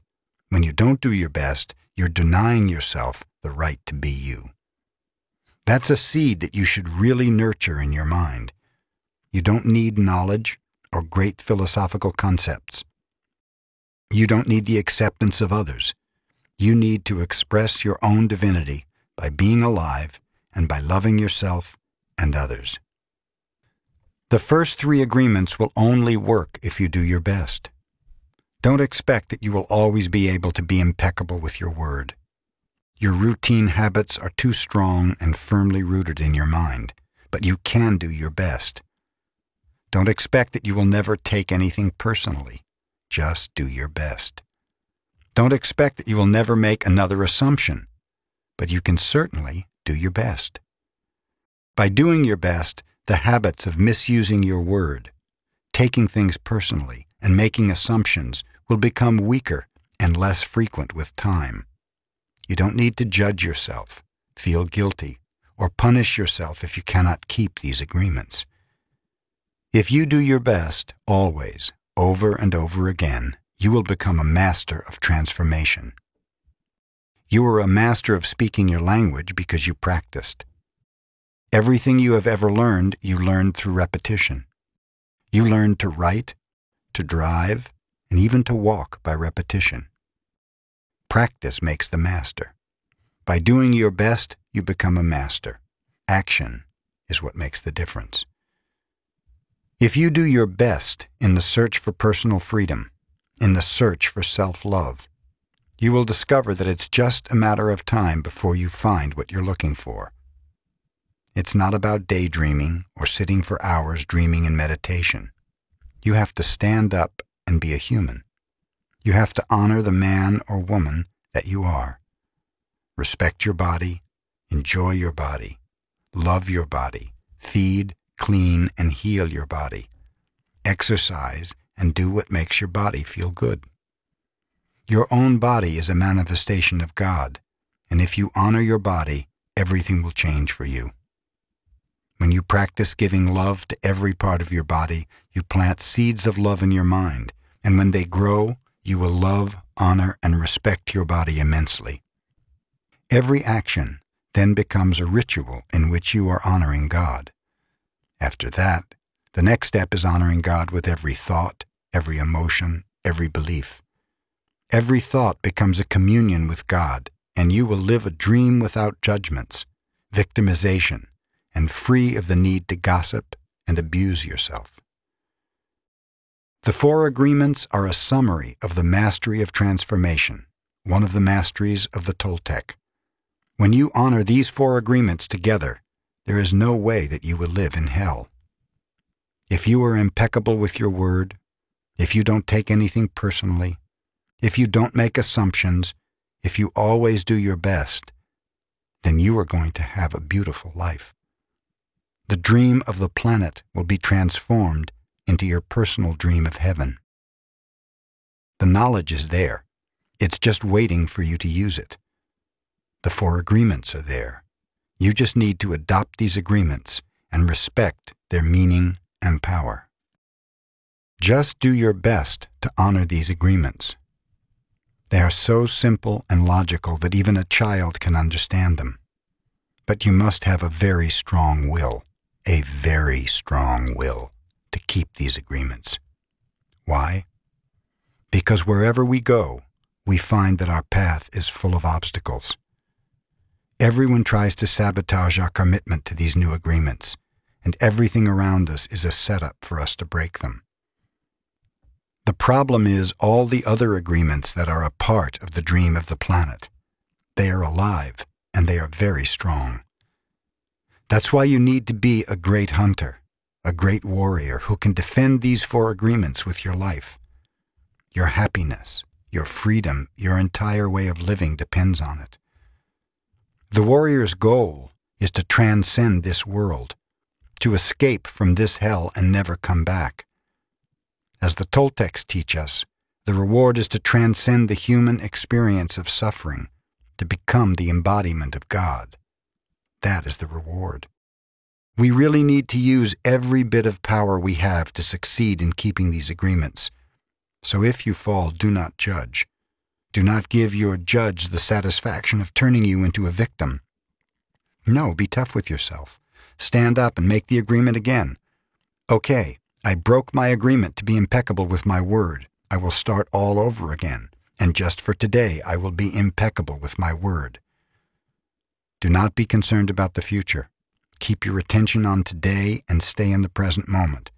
You can do it if you live just one day at a time. If you break an agreement, begin again tomorrow and again the next day. It will be difficult at first, but each day will become easier and easier until one day you will discover that you are ruling your life with these four agreements, and you will be surprised at the way your life has been transformed. Always do your best to keep these agreements, and soon it will be easy for you. Today is the beginning of a new dream. The Toltec Path to Freedom Breaking Old Agreements. Everyone talks about freedom. All around the world, different people, different races, different countries are fighting for freedom. But what is freedom? In America, we speak of living in a free country. But are we really free? Are we free to be who we really are? The answer is no, we're not free. True freedom has to do with the human spirit. It is the freedom to be who we really are. Who stops us from being free? We blame the government. We blame the weather. We blame our parents, our religion, or God. Who really stops us from being free? We stop ourselves. What does it really mean to be free?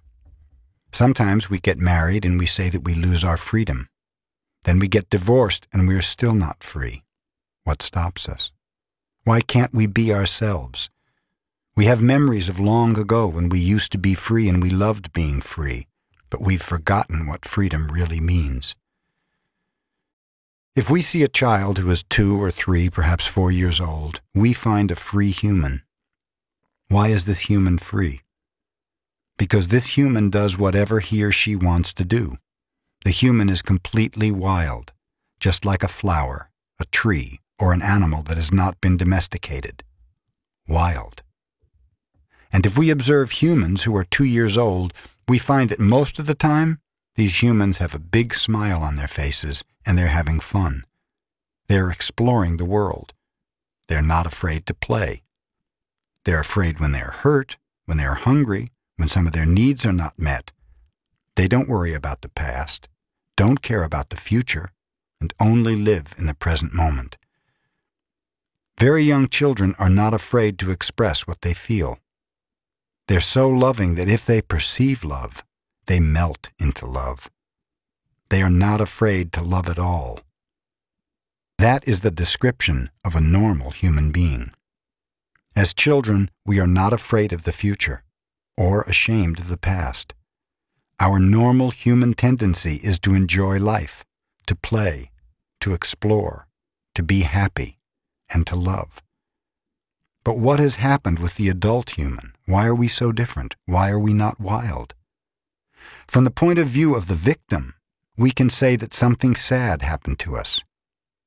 And from the point of view of the warrior, we can say that what happened to us is normal. What has happened is that we have the book of law, the big judge and the victim who rule our lives. We are no longer free because the judge, the victim, and the belief system don't allow us to be who we really are. Once our minds have been programmed with all that garbage, we're no longer happy. This chain of training, from human to human, from generation to generation, is perfectly normal in human society. You don't need to blame your parents for teaching you to be like them. What else could they teach you but what they know? They did the best they could, and if they abused you, it was due to their own domestication, their own fears and beliefs. They had no control over the programming they received, so they couldn't have behaved any differently. There is no need to blame your parents or anyone who abused you in your life, including yourself. But it is time to stop the abuse. It is time to free yourself of the tyranny of the judge by changing the foundation of your own agreements. It is time to be free from the role of the victim. The real you is still a little child who never grew up. Sometimes that little child comes out when you're having fun or playing, when you feel happy, when you're painting, writing poetry, playing the piano, or expressing yourself in some way.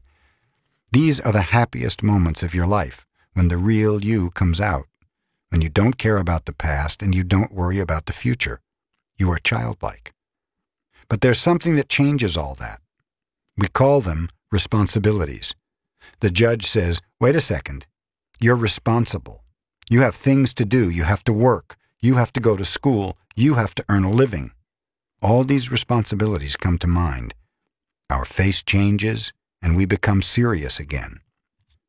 If you watch children when they're playing adults, you'll see their little faces change. Let's pretend I'm a lawyer, and right away their faces change. The adult face takes over. We go to court, and that is the face we see, and that is what we are. We are still children, but we've lost our freedom. The freedom we're looking for is the freedom to be ourselves, to express ourselves. But if we look at our lives, we'll see that most of the time we do things just to please others, just to be accepted by others, rather than living our lives to please ourselves. That is what's happened to our freedom. And we see in our society and all the societies around the world that for every thousand people, 999 are completely domesticated. The worst part is that most of us are not even aware that we are not free. There's something inside us that whispers to us that we're not free, but we do not understand what it is and why we are not free. The problem with most people is that they live their lives and never discover that the judge and the victim rule their mind, and therefore they don't have a chance to be free. The first step toward personal freedom is awareness. We need to be aware that we are not free in order to be free.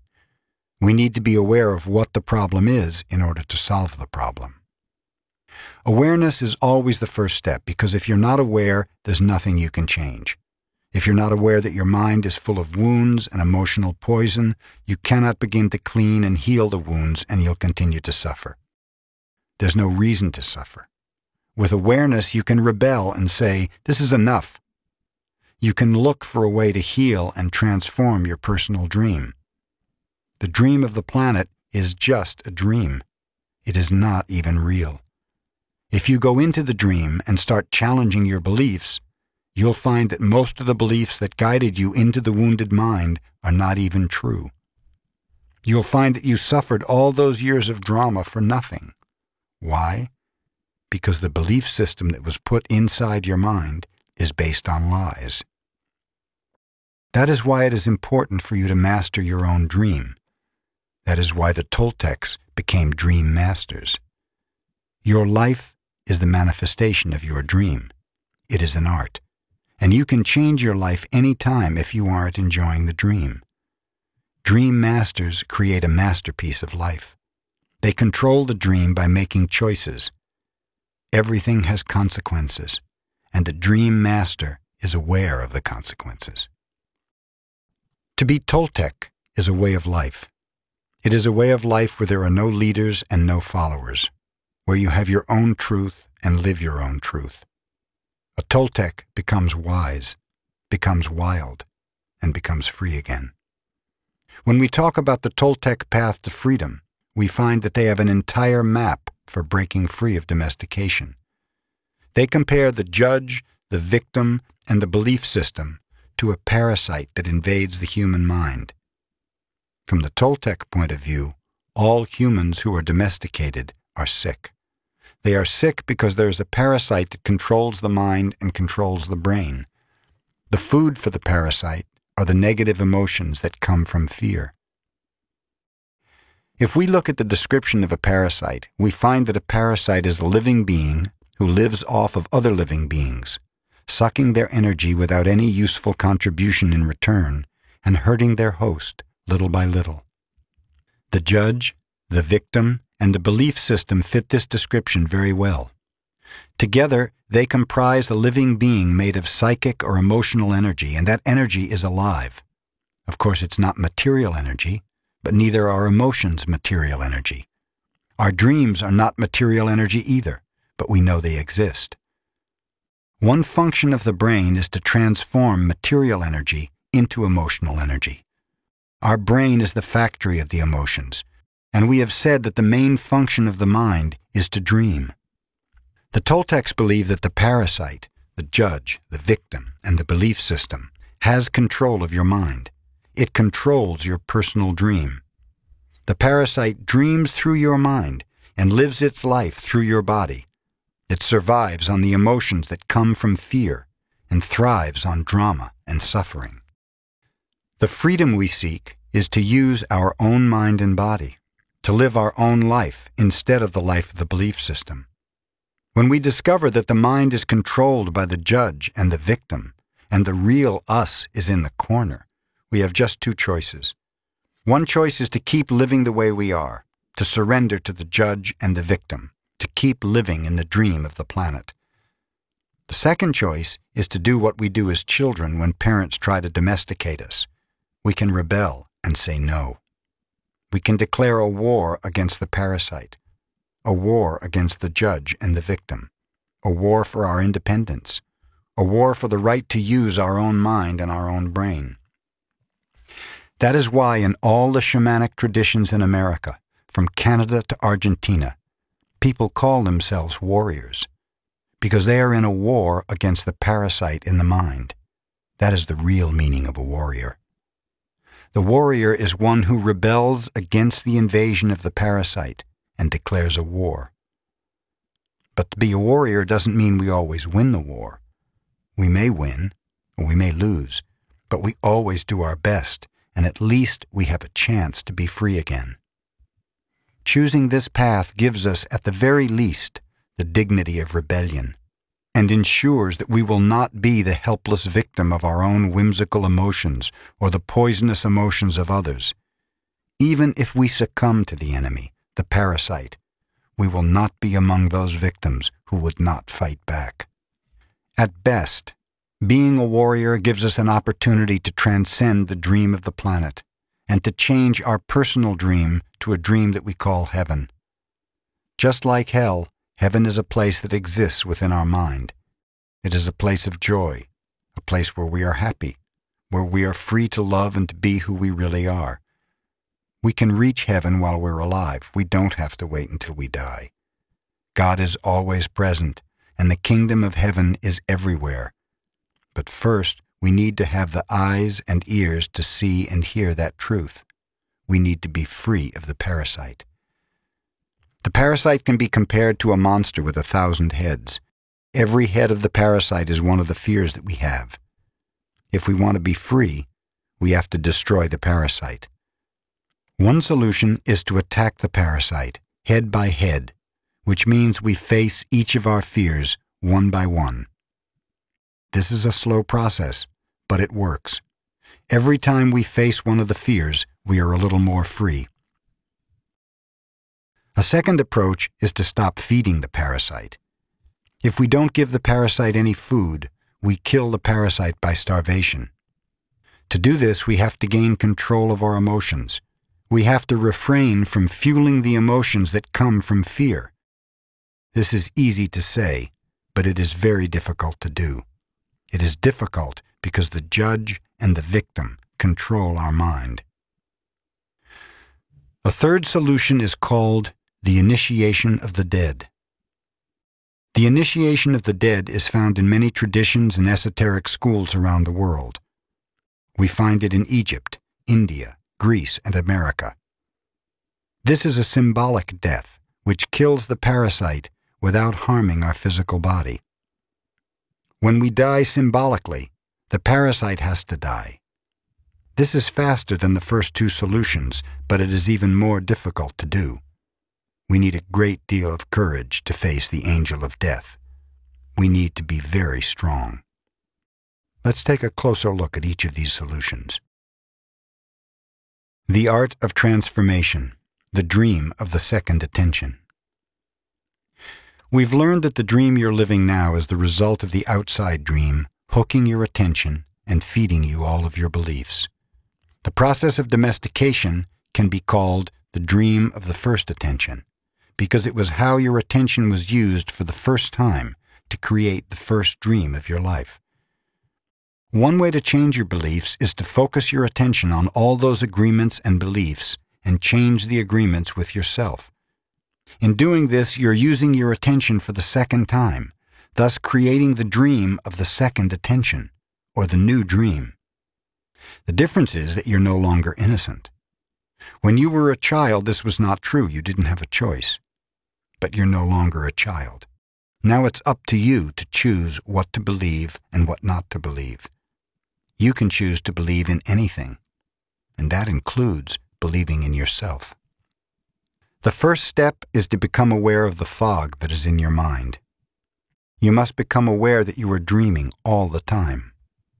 Only with awareness do you have the possibility of transforming your dream.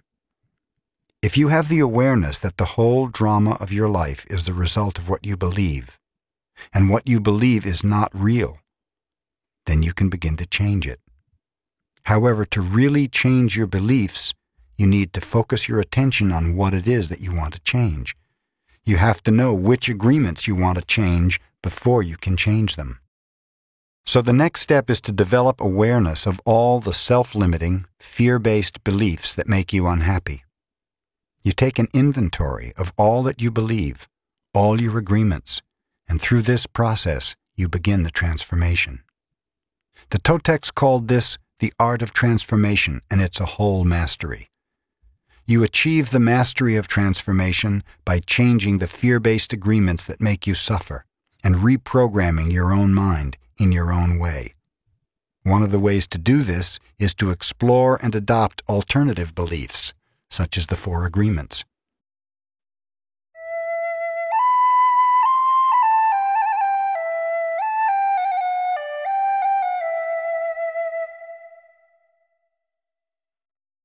The decision to adopt the Four Agreements is a declaration of war to regain your freedom from the parasite. The Four Agreements offer the possibility of ending the emotional pain, which can open the door for you to enjoy your life and begin a new dream. It's up to you to explore the possibilities of your dream if you're interested. The Four Agreements were created to assist you in the art of transformation, to help you break the limiting agreements gain more personal power and become stronger. The stronger you get, the more agreements you can break, until the moment comes when you make it to the core of all those agreements. Going to the core of those agreements is what I call going into the desert. When you go into the desert, you meet your demons face to face. After coming out of the desert, all those demons become angels. Practicing the four new agreements is a big act of power. Breaking the spell of black magic in your mind requires great personal power. Every time you break an agreement, you gain extra power. You start by breaking agreements that are very small and require less power. As those smaller agreements are broken, your personal power will increase until you reach a point when you can finally face the big demons in your mind. For example, the little girl who was told not to sing is now 20 years old, and she still does not sing. One way she can overcome the belief that her voice is ugly is to say, Okay, I will try to sing even if I do sing badly. Then she can pretend that someone is clapping and telling her, Oh, that was beautiful. This may break the agreement a teeny tiny bit, but it will still be there. However, now she has a little more power and courage to try again and again until finally she breaks the agreement. That's one way out of the dream of hell. But for every agreement you break that makes you suffer, you'll need to replace it with a new agreement that makes you happy. This will keep the old agreement from coming back. If you occupy the same space with a new agreement, then the old agreement is gone forever, and in its place is the new agreement. There are many strong beliefs in the mind that can make this process look hopeless. That's why you need to go step by step and be patient with yourself, because this is a slow process. The way you are living now is the result of many years of domestication. You cannot expect to break the domestication in one day. Breaking agreements is very difficult because we put the power of the word, which is the power of our will, into every agreement we have made. We need the same amount of power to change an agreement. We cannot change an agreement with less power than we use to make the agreement. And almost all our personal power is invested in keeping the agreements we have with ourselves. That's because our agreements are actually like a strong addiction. We are addicted to being the way we are. We are addicted to anger, jealousy, and self pity. We are addicted to the beliefs that tell us, I'm not good enough. I am not intelligent enough. Why even try? Other people will do it because they're better than me. All of these old agreements which rule our dream of life are the result of repeating them over and over. Therefore, to adopt the four agreements, you need to put repetition in action. Practicing the new agreements in your life is how your best becomes better. Repetition makes the master. The discipline of the warrior, controlling your own behavior. Imagine that you awake early one morning, overflowing with enthusiasm for the day. You feel good. You're happy and have plenty of energy to face the day. Then at breakfast, you have a big fight with your spouse and a flood of emotion comes out. You get mad, and in the emotion of anger, you spend a lot of personal power. After the fight, you feel drained, and you just want to go and cry. In fact, you feel so tired that you go to your room, collapse, and try to recover. You spend the day wrapped up in your emotions. You have no energy to keep going, and you just want to walk away from everything. Every day we awake with a certain amount of mental, emotional, and physical energy that we spend throughout the day. If we allow our emotions to deplete our energy, we have no energy to change our life or to give to others. The way you see the world will depend upon the emotions you're feeling. When you're angry, everything around you is wrong. Nothing is right. You blame everything, including the weather. Whether it's raining or the sun is shining, nothing pleases you. When you're sad, everything around you is sad and makes you cry. You see the trees and you feel sad. You see the rain and everything looks so sad. Perhaps you feel vulnerable and have a need to protect yourself because you don't know in what moment someone will attack you. You do not trust anything or anyone around you. This is because you see the world with the eyes of fear. Imagine that the human mind is the same as your skin. You can touch healthy skin and it feels wonderful. Your skin is made for perception, and the sensation of touch is wonderful. Now imagine you have an injury and the skin gets cut and infected. If you touch the infected skin, it's going to hurt, so you try to cover and protect the skin. You will not enjoy being touched because it hurts. Now imagine that all humans have a skin disease. Nobody can touch each other because it's going to hurt. Everyone has wounds on their skin, so the infection is seen as normal. The pain is also considered normal. We believe we're supposed to be that way. Can you imagine how we would behave with each other if all the humans in the world had this skin disease? Of course, we would hardly ever hug each other because it would be too painful so we would need to create a lot of distance between us. The human mind is exactly like this description of infected skin. Every human has an emotional body completely covered with infected wounds. Each wound is infected with emotional poison, the poison of all the emotions that makes us suffer, such as hate, anger, envy, and sadness. An action of injustice opens a wound in the mind, and we react with emotional poison because of the concepts and beliefs we have about injustice and what is fair.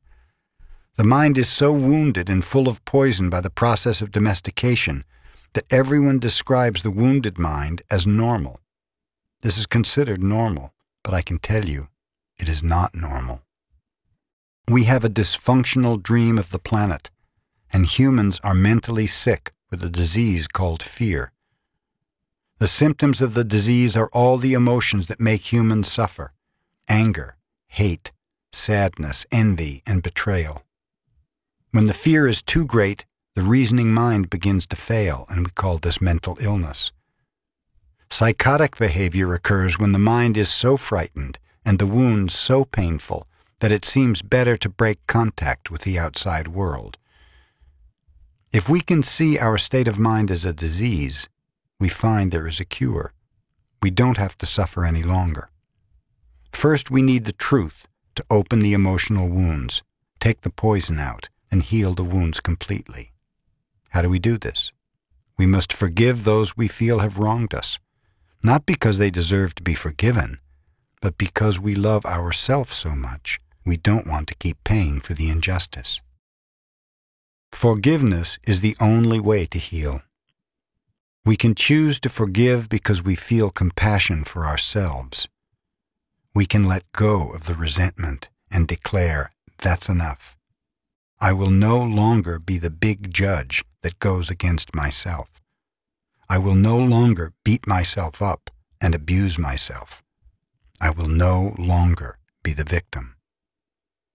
First, we need to forgive our parents, our brothers, our sisters, our friends, and God. Once you forgive God, you can finally forgive yourself. Once you forgive yourself, the self rejection in your mind is over. Self acceptance begins, and the self love will grow so strong that you will finally accept yourself just the way you are. That's the beginning of the free human. Forgiveness is the key. You will know you have forgiven someone when you see them and you no longer have an emotional reaction. You'll hear the name of the person and you'll have no emotional reaction. When someone can touch what used to be a wound and it no longer hurts you, then you know you have truly forgiven. The truth is like a scalpel. The truth is painful because it opens all of the wounds which are covered by lies so that we can be healed. These lies are what we call the denial system. It's a good thing we have the denial system because it allows us to cover our wounds and still function. But once we no longer have any wounds or any poison, we don't need to lie anymore. We don't need the denial system because a healthy mind, like healthy skin, can be touched without hurting. It's pleasurable for the mind to be touched when it's clean. The problem with most people is that they lose control of their emotions. It is the emotions that control the behavior of the human, not the human who controls the emotions. When we lose control, we say things that we don't want to say and do things that we don't want to do. That's why it is so important to be impeccable with our word and to become a spiritual warrior. We must learn to control the emotions so we have enough personal power to change our fear-based agreements, escape from hell, and create our own personal heaven. How are we to become a warrior? There are certain characteristics of the warrior that are nearly the same around the world. The warrior has awareness. That's very important. We are aware that we are at war, and the war in our minds requires discipline. Not the discipline of a soldier, but the discipline of a warrior. Not the discipline from the outside to tell us what to do and what not to do, but the discipline to be ourselves, no matter what. The warrior has control, not control over another human, but control over one's own emotions, control over oneself. It is when we lose control that we repress the emotions, not when we are in control. The big difference between a warrior and a victim is that the victim represses and the warrior refrains. Victims repress because they are afraid to show the emotions, afraid to say what they want to say. To refrain is not the same thing as repression. To refrain is to hold the emotions and to express them in the right moment, not before, not later. That is why warriors are impeccable. They have complete control over their own emotions and therefore over their own behavior. The initiation of the dead, embracing the angel of death. The final way to attain personal freedom is to prepare ourselves for the initiation of the dead, to take death itself as our teacher. What the angel of death can teach us is how to be truly alive. We become aware that we can die at any moment. We have just the present to be alive. The truth is that we don't know if we're going to die tomorrow. Who knows? We have the idea that we have many years in the future. But do we? If we go to the hospital and the doctor tells us that we have one week to live, what are we going to do? As we have said before, we have two choices. One is to suffer because we're going to die and to tell everyone, poor me, I'm going to die, and really create a huge trauma. The other choice is to use every moment to be happy, to do what we really enjoy doing. If we only have one week to live, let's enjoy life. Let's be alive. We can say, I'm going to be myself. No longer am I going to run my life trying to please other people. No longer am I going to be afraid of what they think about me. What do I care what others think if I'm going to die in one week? I'm going to be myself. The angel of death can teach us to live every day as if it is the last day of our life, as if there may be no tomorrow. We can begin each day by saying, I'm awake. I see the sun. I'm going to give my gratitude to the sun and to everything and everyone because I'm still alive. One more day to be myself. That is the way I see life. That is what the angel of death taught me, to be completely open, to know that there's nothing to be afraid of. And of course, I treat the people I love with love, because this may be the last day that I can tell you how much I love you. I don't know if I'm going to see you again, so I don't want to fight with you. What if I had a big fight with you and I told you all those emotional poisons that I have against you and you die tomorrow? Oops. Oh my God, the judge will get me so bad, and I will feel so guilty for everything that I told you. I will even feel guilty for not telling you how much I love you. The love that makes me happy is the love that I can share with you.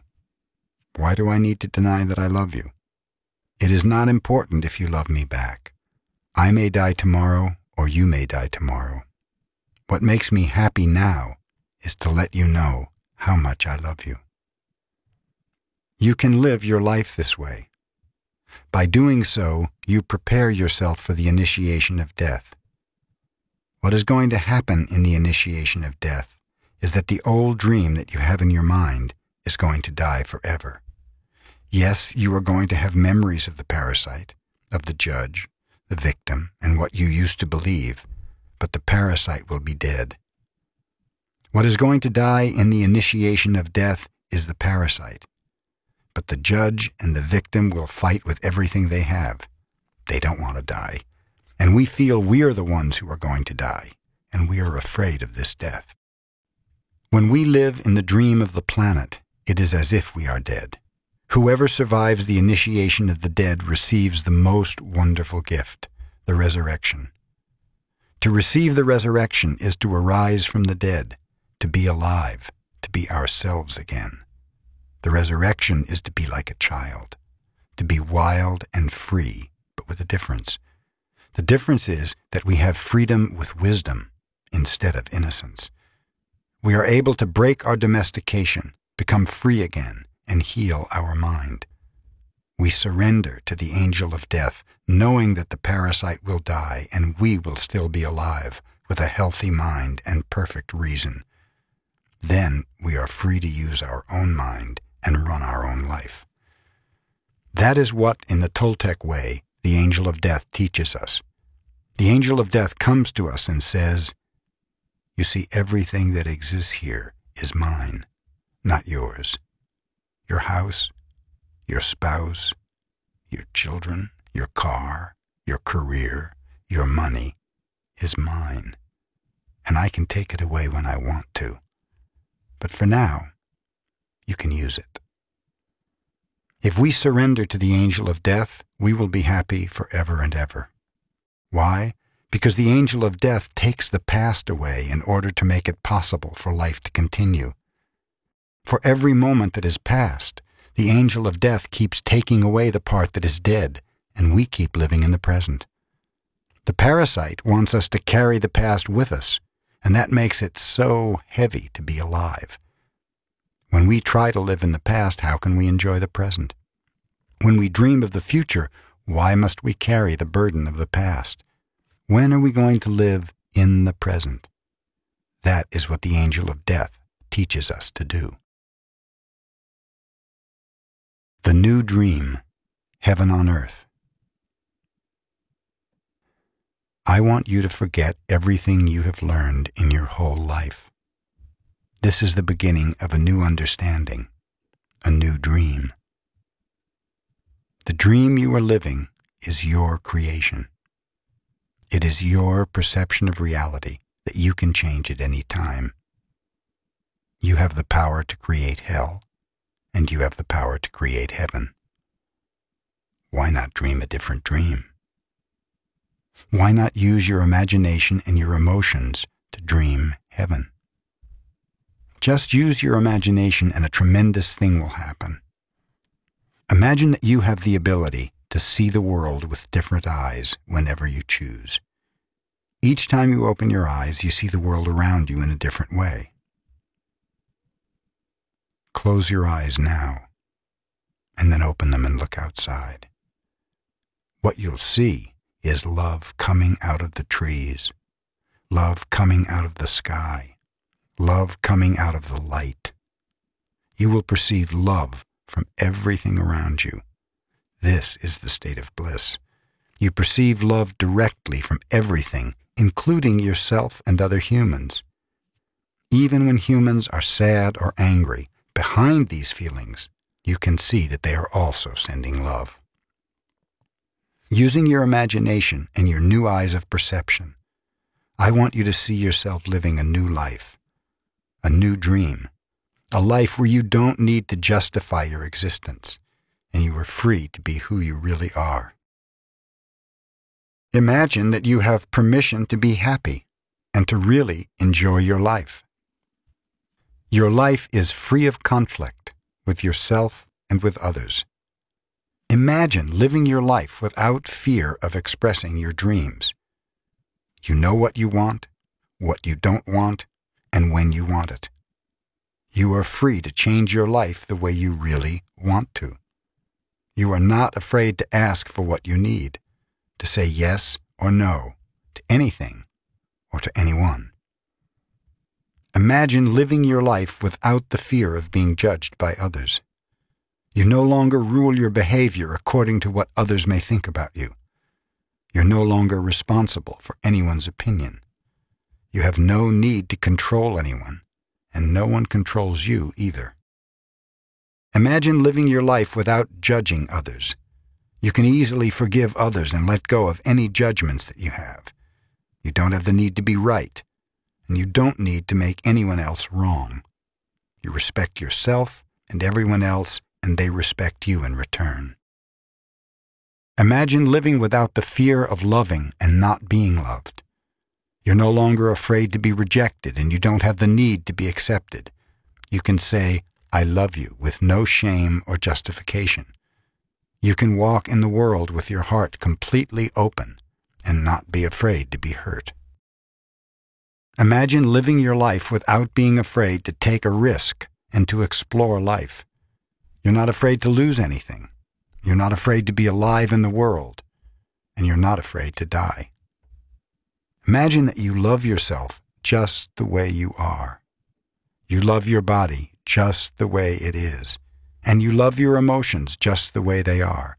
You know that you're perfect just as you are. The reason I ask you to imagine these things is because they're all entirely possible. You can live in the state of grace, the state of bliss, the dream of heaven. But in order to experience this dream, you must first understand what it is. Only love has the ability to put you in that state of bliss. Being in bliss is like being in love. You're floating in the clouds. You're perceiving love wherever you go. It is entirely possible to live this way all the time. It's possible because others have done it, and they're no different from you. They live in bliss because they have changed their agreements and are dreaming a different dream. Once you feel what it means to live in a state of bliss, you will love it you will know that heaven on earth truly exists. Once you know that heaven exists and you know it's possible to stay there, it's up to you to make the effort to do it. Two thousand years ago, Jesus told us about the kingdom of heaven, the kingdom of love, but hardly anyone was ready to hear this. They said, What are you talking about? My heart is empty. I don't feel the love that you're talking about. I don't feel the peace that you have. You don't have to do this. Just imagine that His message of love is possible, and you'll find that it is yours. The world is very beautiful and very wonderful. Life can be very easy when love is your way of life. You can be loving all the time. This is your choice. You may not have a reason to love, but you can love because to love makes you so happy. Love in action only produces happiness. Love will give you inner peace. It will change your perception of everything. You can see everything with the eyes of love. You can be aware that there is love all around you. When you live this way, there's no longer a fog in your mind. The mitote has gone on a permanent vacation. This is what humans have been seeking for centuries. For thousands of years, we've been searching for happiness. Happiness is the lost paradise. Moses called it the promised land. Buddha called it nirvana. Jesus called it heaven, and the Toltecs call it a new dream. This way of life is possible, and it's in your hands. But your identity is mixed with the dream of the planet.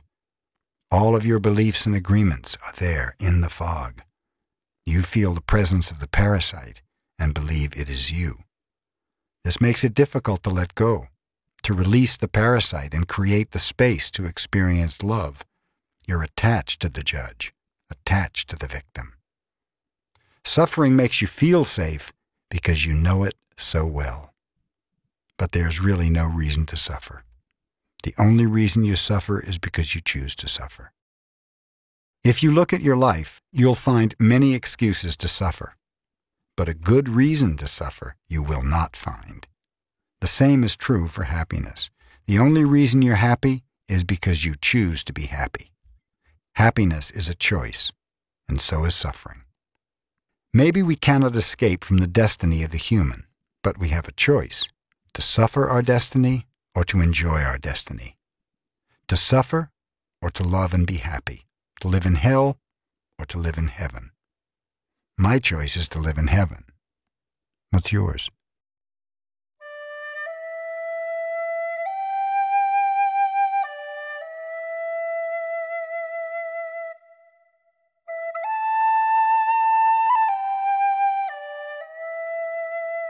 Prayers. Please take a moment to close your eyes, open your heart, and feel all the love that comes from your heart. I want you to join with my words in your mind and in your heart to feel a very strong connection of love. Together, we're going to do a very special prayer to experience a communion with our Creator. Focus your attention on your lungs as if only your lungs exist. Feel the pleasure when your lungs expand to fulfill the biggest need of the human body, to breathe. Take a deep breath and feel the air as it fills your lungs. Feel how the air is nothing but love. Notice the connection between the air and the lungs, a connection of love. Expand your lungs with air until your body has the need to expel that air, and then exhale and feel the pleasure again.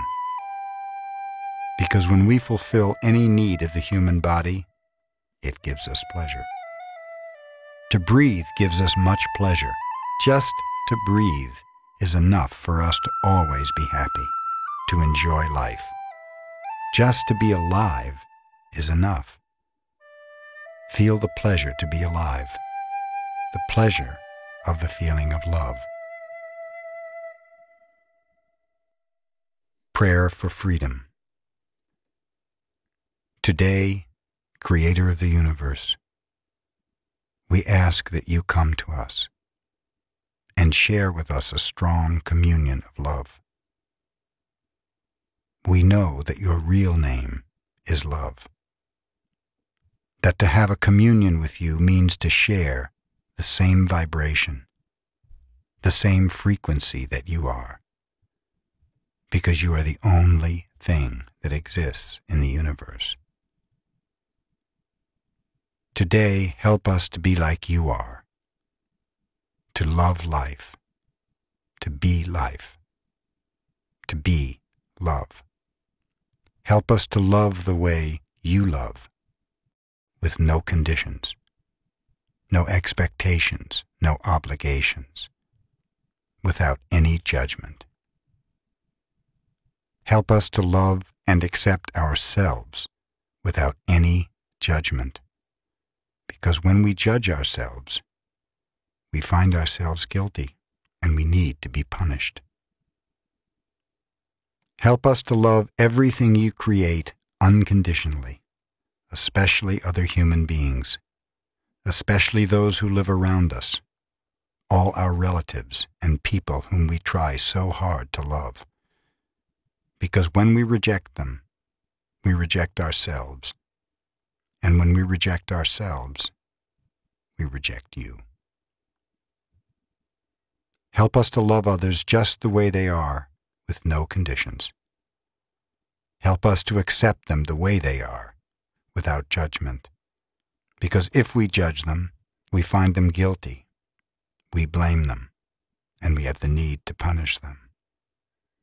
Today, clean our hearts of any emotional poison that we have. Free our minds from any judgment so that we can live in complete peace and complete love. Today is a very special day. Today we open our hearts to love again so that we can tell each other, I love you, without any fear and really mean it. Today we offer ourselves to you. Come to us. Use our voices. Use our eyes. Use our hands.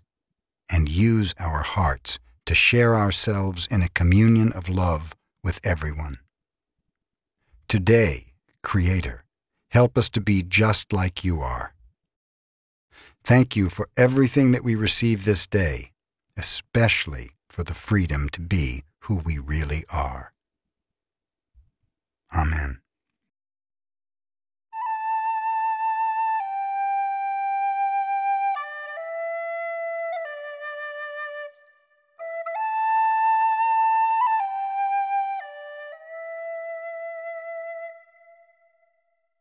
Prayer for Love. We are going to share a beautiful dream together. A dream that you will love to have all of the time. In this dream, you are in the middle of a beautiful, warm, sunny day. You hear the birds, the wind, and a little river. You walk toward the river. At the edge of the river is an old man in meditation, and you see that out of his head comes a beautiful light of different colors.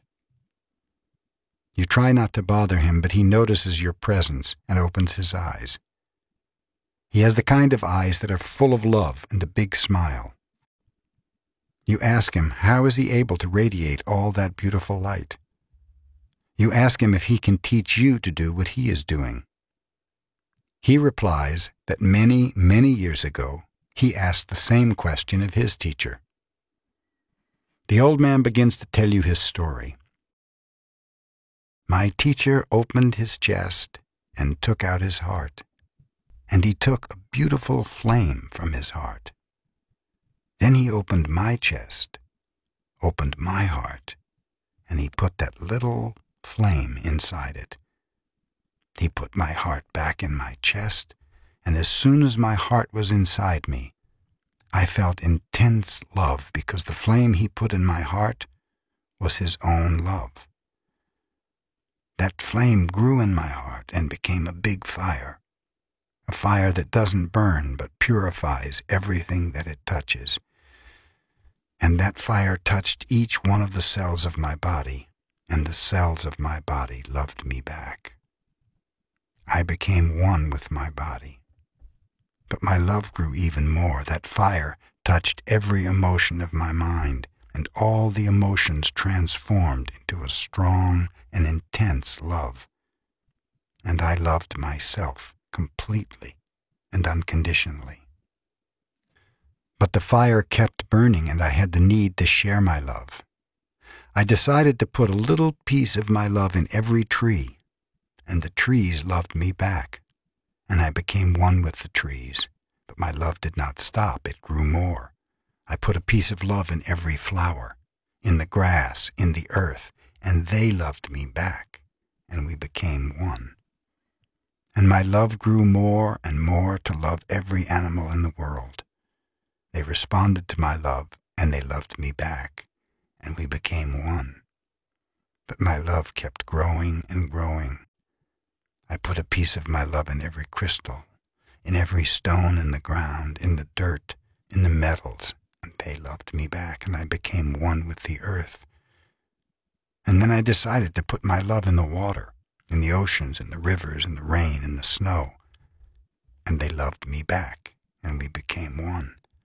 And still my love grew more and more.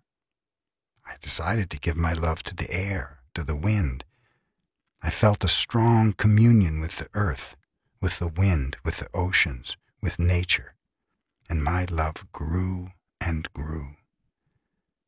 I turned my head to the sky, to the sun, to the stars, and put a little piece of my love in every star, in the moon, in the sun, and they loved me back.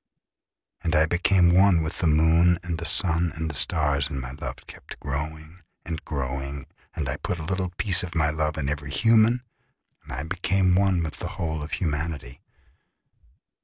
Wherever I go, whomever I meet, I see myself in their eyes because I am a part of everything, because I love. And then the old man opens his own chest, takes out his heart with that beautiful flame inside, and he puts that flame in your heart. And now that love is growing inside of you. Now you are one with the wind, with the water, with the stars, with all of nature, with all animals, and with all humans. You feel the heat and the light emanating from the flame in your heart. Out of your head shines a beautiful light of different colors. You are radiant with the glow of love, and you pray. Thank you, Creator of the universe, for the gift of life you have given me. Thank you for giving me everything that I have ever truly needed. Thank you for the opportunity to experience this beautiful body and this wonderful mind. Thank you for living inside me with all your love and your pure and boundless spirit, with your warm and radiant light. Thank you for using my words, for using my eyes, for using my heart to share your love wherever I go. I love you just the way you are. And because I'm your creation, I love myself just the way I am. Help me to keep the love and the peace in my heart, and to make that love a new way of life, that I may live in love the rest of my life. Amen.